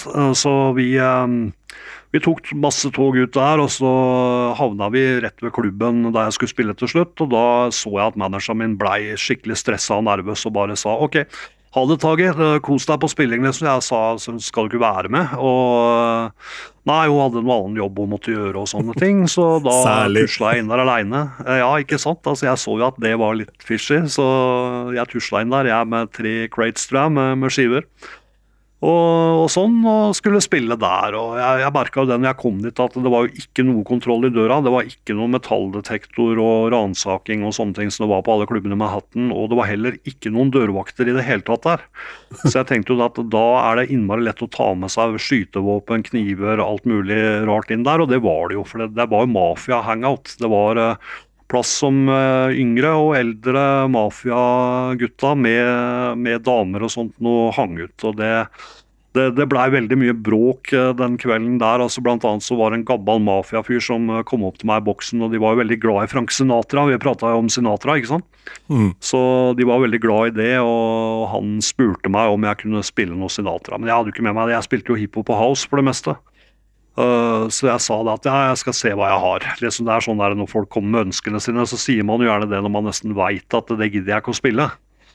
Uh, men, men, det tok jo ikke han uh, for god fisk, så han stakk hånda si nedi innerlomma på jakka si og holdt den der litt. Og jeg tenkte oh, shit, nå blir jeg kanskje skutt her. Uh, men isteden altså, dro han opp to 20-dollarskjeller og la dem i hånda mi og sa at nå spiller du Sinatra OK. Så han var litt sånn småsur og stakk av gårde og sånn. Så hadde jeg en sånn hjelper med meg i dealerboksen som var fra det miljøet der, som sa det at uh, OK, ok, nå må du spille Sinatra, ellers så kommer han der tilbake og skyter deg, for at han er en av de heavyeste mafiafolka her. sånn. Så sa jeg til han kompisen i boksen at ja, men jeg har jo ikke noe Sinatra med meg. Så sa han nei, men det, noe, det står noen bunker med skiver på, på, klubben her, så ta og bla gjennom der og, og, og, se hva du finner for noe der. Tror du jeg bladde fort uh, da, eller tror du jeg tok det med ro? da, da, gikk det vel litt unna, ja. ja, det gikk litt unna. Jeg er ganske kjapp sånn, men uh, da gikk det nok fortere enn jeg noen gang har bladd i, i skiver, tror jeg. Uh, gjennom masse det, var, det, var, første, det var ikke den første skiva du fant, det, Sinatra der? Selv om de likte det? Nei, det var, nei, det var, det var noen bunker med skiver der, altså. Om Sinatra var der eller ikke, det kan vi vel kanskje spare til boka. Men uh, det er de som leser skutt, boka. Nei, jeg, jeg, lever i hvert fall. Jeg, jeg, som du hører, så lever jeg. Og, og jeg har ikke ni liv heller, så, som katten, jeg, så det er, eh, det er, bare det ene livet. Så jeg overlevde den. Jeg gjorde det. Men det var mye annet bråk den kvelden der. og på slutten av kvelden så trodde jeg jo det at jeg kom til å få skikkelig tyn av sjefen der hvis jeg i det hele tatt eh, kom til å overleve den spillinga. At de var forbanna på meg for ting som hadde skjedd og sånn. Men de var veldig fornøyd, så han tok meg i hånda og takka for god spilling. og sa det at i kveld det var mange som hadde fått bank og diverse ting den kvelden der, og han sa det at uh, han takka meg for bra spilling, han hadde spilt bra musikk og sånn, for det hadde vært en rolig kveld, sa han. Og da var det folk som hadde blitt slått halvt i hjel på dansegulvet og sånn, så jeg tenkte ok, hvis det der er en rolig kveld, hvordan er det da når det ikke er rolig? Så, så jeg eh, og han ville jo gjerne ha meg tilbake igjen. og De likte meg veldig godt som DJ. De var jo ikke så veldig glad i, eh, i eh, farga folk. Italienerne var veldig rasistiske på mange måter men de elska musikken deres. De elska svart musikk. Mm. Uh, og jeg var jo en hvit DJ som kom inn der og spilte den musikken like bra som de farga DJ-ene. Så de blei jo de ble ganske hekta på meg og, og, interessert i å ha meg tilbake til å spille der. Så de sa da at de gjerne ville det, og jeg sa ja, ja, men det er ikke noe problem, det fikser vi. Men jeg hadde bestemt meg allerede da for at jeg aldri skulle tilbake igjen dit, og det gjorde jeg ikke heller. Nei, jeg ser den. Snipp, snapp, snute. Ja. Men det er, eh, det, er, det er, litt kult, og så må det være et rart paradoks for de også. Sånn Digge musikken, men ikke tolerere folka. Det er jo en pussig setting. Men det, ja, det, var, det var, jo veldig rart. Eh, tankesettet til, til, de som var i Cosa Nostra, var jo merkelig. Um, ja, ja, det ble det, det, var, det, var jo, det, var, jo, spesielt. De var jo, det er klart, ok, de hadde jo en familiefeeling også. De backa jo hverandre opp veldig. så det er klart når når jeg ble kjent med de folka der, så de støtta meg veldig også, men jeg var litt redd og skeptisk for det. Altså, de prøvde bl.a. å kjøpe managementkontrakten på meg av manageren min, uh, sånn at det var mafiaen som endte opp med å eide meg, men det prater jeg også mer om i boka.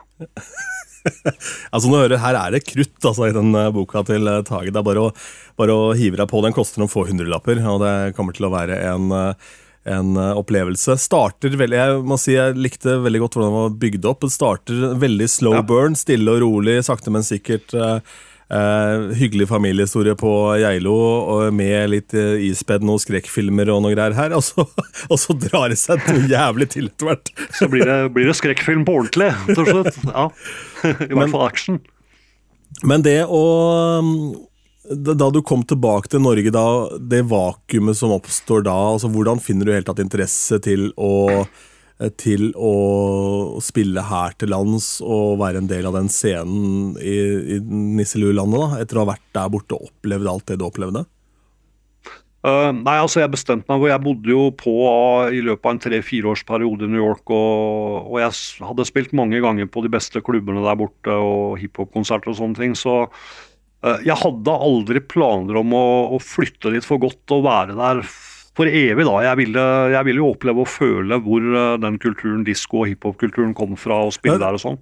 Bare en ting, det er en ting vi også må nevne ja. sånn kjapt her, fordi det var jo mange om beinet her. Så det var jo ikke sånn at du blei rik av å spille i New York. Det kan vi også ta med, kanskje. Nei, uh, ja, det, det, det blei man ikke. For det, alle ville jo spille alle ville jo spille på de hotteste klubbene. Man fikk betalt, men det var veldig veldig lite. Vi prater om kanskje 80 dollar, 100 dollar, ikke noe mer enn 150. Og det var kjente DJs vi prater ja. om da, liksom. Ja, og Det handla om å gjøre massevis av gigs hele uka for å på en måte, skape seg et navn. Og etter hvert da få ja. produsert noe musikk og kanskje få en hit selv, og så er det der penga kommer inn. på en mm. måte. Mm. Ja, det var der, og det var der penga lå. Ja, Og i radio, sånn selvfølgelig. Jeg, det var mange som hadde radiogigs ved siden ja, av. Eh, og, hadde faste radiogigs. Ja, corporate mm. ting og sånn showgigs og sånn. da, Men ja, så kommer du hjem til Norge. Ja, ja jeg gjorde det. Uh, for jeg hadde bestemt meg uh, for å ikke bo i New York uh, for evig tid. Så jeg bestemte meg etter hvert når jeg hadde Når jeg egentlig hadde fått nok av New York, når jeg hadde opplevd det jeg ville og gjort det jeg ville der borte, så bestemte jeg meg for å flytte tilbake igjen til Norge. Så det er klart det var like stor kontrast det som å flytte fra Geilo til New York. Altså når jeg flytta til New York, så var det sånn Det var så mye bråk i byen at jeg, jeg fikk jo så å si ikke sove den første uka jeg var der. Det var brannbiler og politibiler og sånn som bråka døgnet rundt. sant? Uh, men når jeg flytta hjem, så var det stikk motsatt. Da var det sånn, uh, begynte å nærme oss Geilo, vi kjørte bil, og da Det var så stille. Det var helt musestille. Det var ikke en eneste bil. Jeg skjønte ingenting. Altså, selv om jeg hadde, hadde vokst opp i Geilo, så jeg var jo vant til det. Men den overgangen der var faktisk nesten verre og vanskeligere enn og, og sprøere òg enn fra Geilo til New York. Ja. Jeg, det at det blei helt stille rundt deg, det blei en helt annen livsstil også. Jeg, jeg, hadde jo egentlig bestemt meg for å kutte ut musikkbransjen i det hele tatt jeg, når jeg flytta hjem fra New York. fordi at uh, da hadde jeg spilt i den byen som var kulest på den tida, på de kuleste klubbene i verden på den tida, og da tenkte jeg at det var det. Nå, nå har jeg nådd toppen. Det var, det var, drømmen min, det var målet mitt. og da hadde jeg tenkt å, å kutte ut uh, musikken. Og jeg, jeg begynte på siviltjeneste også med en gang jeg kom hjem, så jeg eh, gikk fra å jobbe, altså spille på de kuleste nattklubbene i New York. To måneder seinere så, så, hadde jeg siviltjeneste i Geilo barnehage. Så det var veldig kontrast. jeg gjorde en DJ-gig på, på, lørdag et par timer i en frisørsalong som hadde ettårsjubileum. Uh, og der ja. var det han som uh, mannen til hun frisøren. De hadde tre unger som var ganske små, jeg kan tenke meg to-tre år gamle kanskje. Eh, og Ja. da var han, eh, han eh, Mannen hennes da var veldig bekymra for han ene, for han fløy og snurra fram og tilbake på en sånn frisørstol der, og var redd for at han skulle dunke bort utstyret mitt. da. Så sa jeg til Ja, han at du, du kan bare slappe helt av, jeg er vant til at jeg er mye større og dritings, sa jeg til han, så ta det helt rolig. Ja, ja, ja. ja. ja. ja det, det var nok sant. altså En liten unge da kunne ikke gjøre så mye skade Da, i forhold. Men hvordan var det å komme, komme hjem etter å ha vært der borte og dele historiene? Og hvor mye kontakt hadde du egentlig med ja, eksempel sånn som Paul, da, som du hang mye med før det? altså Snakka dere sammen på Mm. telefon fra New York og sånn? Ja, vi, vi, gjorde, ja, vi gjorde det. Jeg, altså, jeg holdt jo kontakt med venner i, i Norge og sånne ting mens jeg var i New York, men ikke så veldig mye. For at uh, man, man får gjerne veldig hjemmelengsel hvis man, hvis Ja. man begynner sånn. Og skal ringe for mye hjem til familie og kompiser og sånn. Så jeg gjorde ikke så mye sånn at det ikke skulle skje. da, Jeg ville jo fokusere New York når jeg var der. Eh, Men jeg har holdt kontakten med alle folka. Jeg har jo kontakt med mange av folka som jeg kjente i New York nå også. Um, så Jeg hadde bestemt meg for å legge musikken på hylla, men så ble det til at at jeg begynte å lage beats og sånne ting, bare som sånn hobby ved siden av barnehagen. Jeg var ferdig bare for å kose meg etter jobb og sånn, så kjøpte jeg meg nye sampler og sånne ting. Og så begynte jeg å lage hiphop-beats, og så ble de jo ganske bra etter hvert. Og det ble ganske mange av de og sånne ting. Og da begynte jeg å få litt sånn blod på tann med det at jeg hadde lyst til å gjøre en karriere som musikkprodusent, og spesielt hiphopprodusent òg, da. Så da begynte jo musikkarrieren min nummer to ut ifra det, egentlig. Ja. Hvor, øh, hvis vi skal ta det helt kjapt, da, så utvikla jo det seg til at jeg produserte øh, låter og album for flere hiphopartister i, i Norge først. Og jeg gjorde litt house også, med, når vi prata om Paul Sørli og sånn. Vi hadde jo et øh, plateselskap sammen som het Thang Records, som var det første deep house-selskapet i Skandinavia. Så vi gjorde det ganske bra med housen òg.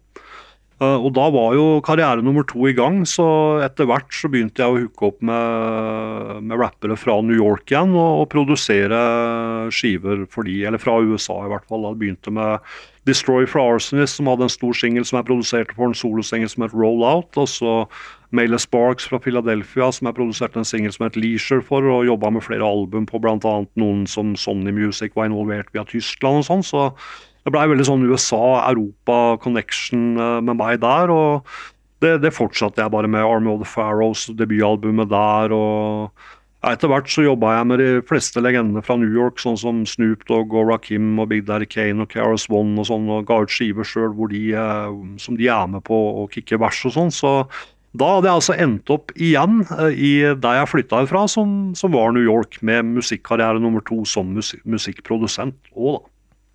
Men du DJ-a litt også i Norge når du kom hjem. Hvordan var scenen her? altså Hvordan Ja, hadde den forandra seg på de åra?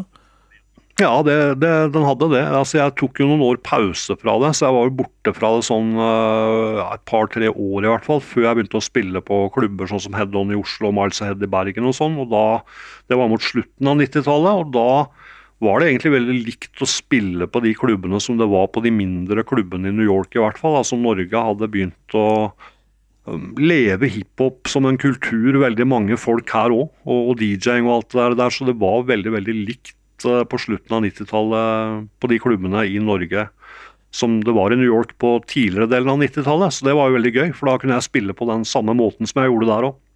Ja, Så det var ikke så store forskjellen. Litt crazyere selvfølgelig i New York. Det, det vil alltid være med en så stor by, sånn miniverden, men, eh, men allikevel ganske likt. Ja, og Færre Sinatra-ønsker kanskje i Norge? Ja, ja det, jeg, jeg risikerte ikke å bli skutt når jeg ikke spilte det, i hvert fall. Så det var jo Juling kan man alltids eh, risikere, men jeg, jeg tror ikke det er så ofte man risikerer å bli skutt for ikke å, å spille det, da. I Norge. Nei, stort sett så lar det seg Heldigvis. gjøre. ja, heldigvis. ja, det gjør det. Ja. Det har skjedd mye fucka sånn, vi, det er ikke noe sånn vikingarna med, med sverdet på innerlomma og sånn som kommer. ikke spiller kramgode låter, så kommer de og tar deg. Det var det. det var det. Eh, Men hva med, hva med den prosessen å bare skrive en selvbiografi, Tage? Altså, jeg tror neppe Mm. jeg kommer til å gjøre det noen gang i livet, og det gjelder vel de aller fleste andre som hører denne poden her også. Eh, Hvordan går man Det må jo være en merkelig prosess å dykke ned i sitt eget liv, sånn å feste er mellom to permer. Det har vært mye gøy, men det har vært like slitsomt. For at eh, man får jo hele livet passere i revy. Og skrive bok, så må man jo gjennom det mange ganger. Så jeg har vært gjennom manuset ca. 400 ganger. Så har jeg gått gjennom livshistorien min. Så det har vært litt sånn at jeg begynte å lure på om jeg blei sprø til slutt. Men man blir vant til det, og man får Til slutt så sitter man liksom litt på utsida av sin egen livshistorie og bare Som det skulle vært en annen forfatter som hadde skrevet den, da, ser den litt fra utsida når man retter på ting og, og sånn. Så det, det, var veldig gøy, men det var uh, mye, mye, artige minner og sånn, men, men, veldig slitsomt. Og det, selvfølgelig er ikke alle minnene gode, det er de jo heller ikke. Men de fleste er heldigvis det. Og så var det et eller annet veldig rart med å se sin egen livshistorie og skulle tenke hva er interessant for andre å lese. Uh, ja, det, det, er jo... det, er jo det. Ja, ja. jeg tenkte jo på det at det som må være interessant der, må jo være først og fremst ting som har med DJ-ing og musikk å gjøre. At uh, boka egentlig på, en, på, mange måter er en oppskrift på hvordan du skal klare å gjøre det bra i musikkbransjen. Uh, Samtidig er det veldig mye info om uh, musikk der, om musikklister og sånne ting. og Den, den forteller vel òg det at uh, selv om du er fra uansett om du er fra en bitte liten plass, så kan du gjøre det stort innenfor det du har lyst til å drive med, bare du drømmer stort nok og, og gjør de riktige tinga for å komme dit. Det er jo mye hardt arbeid, og du kan ikke bare drømme, så står du på scenen eller i DJ-boksen på den største klubben i New York. Det er jo nødt til å gjøre de tinga som skal til òg. Så det er mye arbeid som ligger bak, både med å bygge skillsa sine og eh, networking og sånne ting for å få de tinga til å skje. Da. Gjennomføringsevne er jo også eh, kanskje noe av det aller viktigste. Og det å mm. være villig til å legge ned de timene som kreves, og faktisk innenfor DJ-ing ja. det, er, det, er såpass lett å bli flink sånn rent teknisk, for du får mye hjelp av, det, av, av um, datautstyr osv. Så, videre, så det er veldig lett å bare winge det. Men det her er, ja. det er, en, det er, et, det er en, jobb, altså. er, ja, det er, det og da, det er klart Når det er så lett, så blir det veldig mange flinke òg. Så da må, du liksom, da må du over det nivået igjen, eller du må skille deg ut på en annen måte igjen for å stå ut fra mengden. Så blir det vanskeligere å stå ut fra mengden. Det er jo det som er problemet i dag. Mm. Mens før så var det egentlig bare OK, bare øv deg opp og, og, jobb deg opp til å bli skikkelig god, så har du, der har du springbrettet. Der har du utgangspunktet som kan få deg tatt deg mange bra plasser. Så Det var jo det jeg gjorde, men det er ikke så lett det i dag. da. Det er ikke det, altså. Men det er mulig. Absolutt, det er mulig, og det er egentlig bare å satse. og uh, I dag så er det vel vel så mye promotør i sosiale medier som du er DJ, kanskje også. Men uh, det er mulig, ja, mulig, å få ja, hjelp til de, de, tingene. Ja, mm. Ja. Nei, det er bare å satse, men uh, Eh, er, eh, den viktige er jo å ikke gi opp. Det er det som er vanskelig etter mye motgang, mange år med motgang og nedtur og sånne ting. At man ikke gir opp. De fleste gjør jo det da, men bare fortsetter å pushe. Og til man kommer i mål, altså dit man har lyst til å komme. Vi har snakka mye om det på standup-scenen, at uh, noe mm. standup-materiale du gjør som ikke funker. Det kan være bitte små fraseringer, kanskje at du endrer uh, narrativet i historien. Uh, endrer da fra den ene personen til den andre som forteller, så er det standup-materialet helt gull. og det handler ja. jo bare om å gjøre det ofte nok, å være der og på en måte stå i sin egen greie. Um, og det tror jeg mange gründere også opplever. sånn at uh, Hvis du klart du pitcher en idé til uh, eh, 20 personer, og alle 20 sier at det er noe dritt, så er det kanskje greit mm. å tenke på en ny idé. Men hvis noen av de sier ja, faen, her er det kanskje noe, uh, så begynner du da etter hvert å utvikle det, og så rett og slett bare jobbe med det. Og, ja, og se på det som en jobb. Nå er jo all musikk tilgjengelig for alle også. Og du kan streame mm. på DJ-gigs med DJ-software, så det er jo da veldig lett ja. å, å, bare lage seg noen spillelister i Tidal eller uh, Beat Source eller hva det måtte være, og så er man oppe og går. Ja. Mens uh, det å finne sin egen stil og rett og slett legge ned den, den øvinga som skal til, da, jeg tror det er å komme seg over den kneika, tror jeg mange kanskje ja. sliter med. Ja, og det, det, det, tar tid, og det tar mye, mye jobb og dedikasjon og sånn å, å, komme dit. altså. Det, det, gjør det. Men dette med låtlister tenkte jeg å ta det siste da, fra, fra boka her. og det er jo jeg var ikke klar over at det var der i det hele tatt. Jeg kjøpte boka veldig tidlig for å forberede meg på dette intervjuet også. og eh, det er jo en betydelig andel av lister, både fra det du spilte i Norge, det du spilte i New York, eh, og ting du husker fra, fra Radio Lux osv. her. Eh, og det må jo ha vært en helvetes jobb å sette sammen disse listene. Jeg antar at du har jobba med det underveis, men men, uh, ja, jeg har jo det. Som jeg sa i sted, så, så, så har jeg jo skrevet mye lister og sånn opp igjennom for å holde Ja, for å Hva skal jeg si? Ja, for å, å ha koll på, på, hva som var av fet musikk og, og, sånne ting. Man måtte jo gjøre det før. Man måtte skrive ned lister. Så jeg har hatt en del skrivende, men det meste har sittet i huet mitt fordi at jeg er så gira på musikk at uh, når jeg hører skikkelig feite låter, så, så blir det sittende oppi huet på meg. Så det, det, det, har vært en enkel jobb egentlig å skrive de listene. Jeg har jo faktisk korta de ned en del i boka. da. Uh, bare tatt de viktigste titlene og sånne ting. Men allikevel så ble det 25 sider. Da hadde det kommet til å blitt uh, bortimot 100 hvis jeg skulle hatt med alt jeg hadde spilt. For jeg har liste over alle låtene jeg har spilt opp gjennom hele karrieren. Men uh, jeg måtte kutte ned til de viktigste. Men det er allikevel veldig mye snacks der, altså. Det er det. Jeg tenker at det her eh, er en prat med deg da, i forhold til hvis man skal komme seg inn på litt andre scener. La oss si man begynner å gjøre at man har gjort utesteder og sånn, og kommer seg etter hvert da inn i mer at man begynner å gjøre ja, Jeg nevnte jo et bryllup da med 50-åringer som gifter seg, eller et 50-årslag som kanskje var en del av head-on-miljøet den gang da. ikke sant? Så handler det jo mm. da ikke om å spille bare de største hitene, det handler jo om å spille de krydderlåtene utafor boksen der. Og da er jo ja. sånn som De listene er jo helt gull, så bare det alene er jo verdt uh, summen for, uh, for, boka, tenker jeg, da. Mm, ja, det er jo det er mer underground urban dansemusikk uh, innenfor funk og hiphop og house spesielt, som du finner liste på i boka. Mm.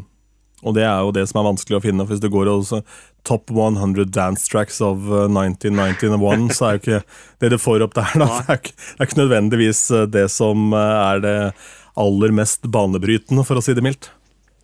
Nei, og så er det ikke nødvendigvis det som ble spilt mest på klubbene heller den gangen, når det var nytt.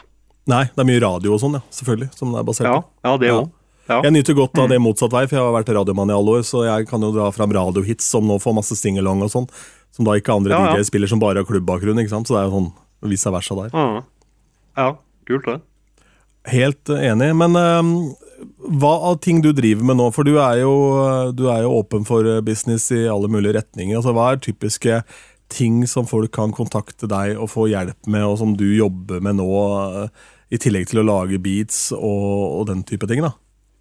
Ja, jeg lager beats, og jeg, jeg, legger scratching på låter. Jeg mikser låter, jeg masterer låter. Jeg har uh, DJ- og produsentkurs og sånn. For det meste har det vært online. Det hender jeg gjør en sjelden DJ-gig hvis det er en spesiell anledning og en gig som er veldig bra. og sånne ting, Så jeg har ikke lagt det helt på hylla, det heller. og ja, produsere for andre folk og alt mulig forskjellige musikk- og DJ-relaterte ting eh, enda, egentlig.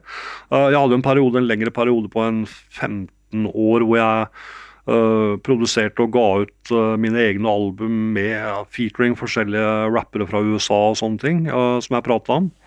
Men den har jeg roa meg litt ned på nå, fordi det målet er mer enn nådd. Så jeg er mer der for å egentlig hjelpe andre med ting ja, når det gjelder å, lære seg opp uh, innenfor DJ-ing og musikkprodusering, og også gjøre jobber for andre folk innenfor det nå for tida. Ja, ikke sant. Ja, hvor mye tilknytning, altså, eller hvor, uh, hvor connecta føler du deg til DJ- og hiphop-scenen i dag kontra uh, Altså hvordan det har vært. Altså, har du fremdeles et overblikk over det, eller blir det litt mer sånn i bakspeilet nå? Ja. Nei, Man kan ikke ha fullt overblikk over det nå. Nettopp fordi at det er, eh, det er mange flere klubber, det er mange flere scener, flere DJs og sånn, som vi prata om. Ja. Uh, så, men jeg har, jeg har kontaktene både i USA, rundt om i Europa og Norge enda. Jeg hadde en nummer én diskosingel på, på diskolistene på Juno for et par år siden. og sånn, Så jeg driver litt med disko-edits og housemusikk og sånne ting, ikke bare hiphop heller. Mm. Da skal vi avslutte her etter hvert med noen sånne kjappe quick fires på tampen. Eh, som da ja. um, går eh, både innenfor og utenfor DJ-businessen, sånn sett. Eh, hvis du mm. ikke hadde endt opp med å bli DJ og i musikkbransjen, hva tror du du hadde jobba med da? Altså, når jeg var liten, så hadde jeg jo lyst til å bli politi eller detektiv. eller noe sånt, Så det er mulig jeg hadde vært privatdetektiv.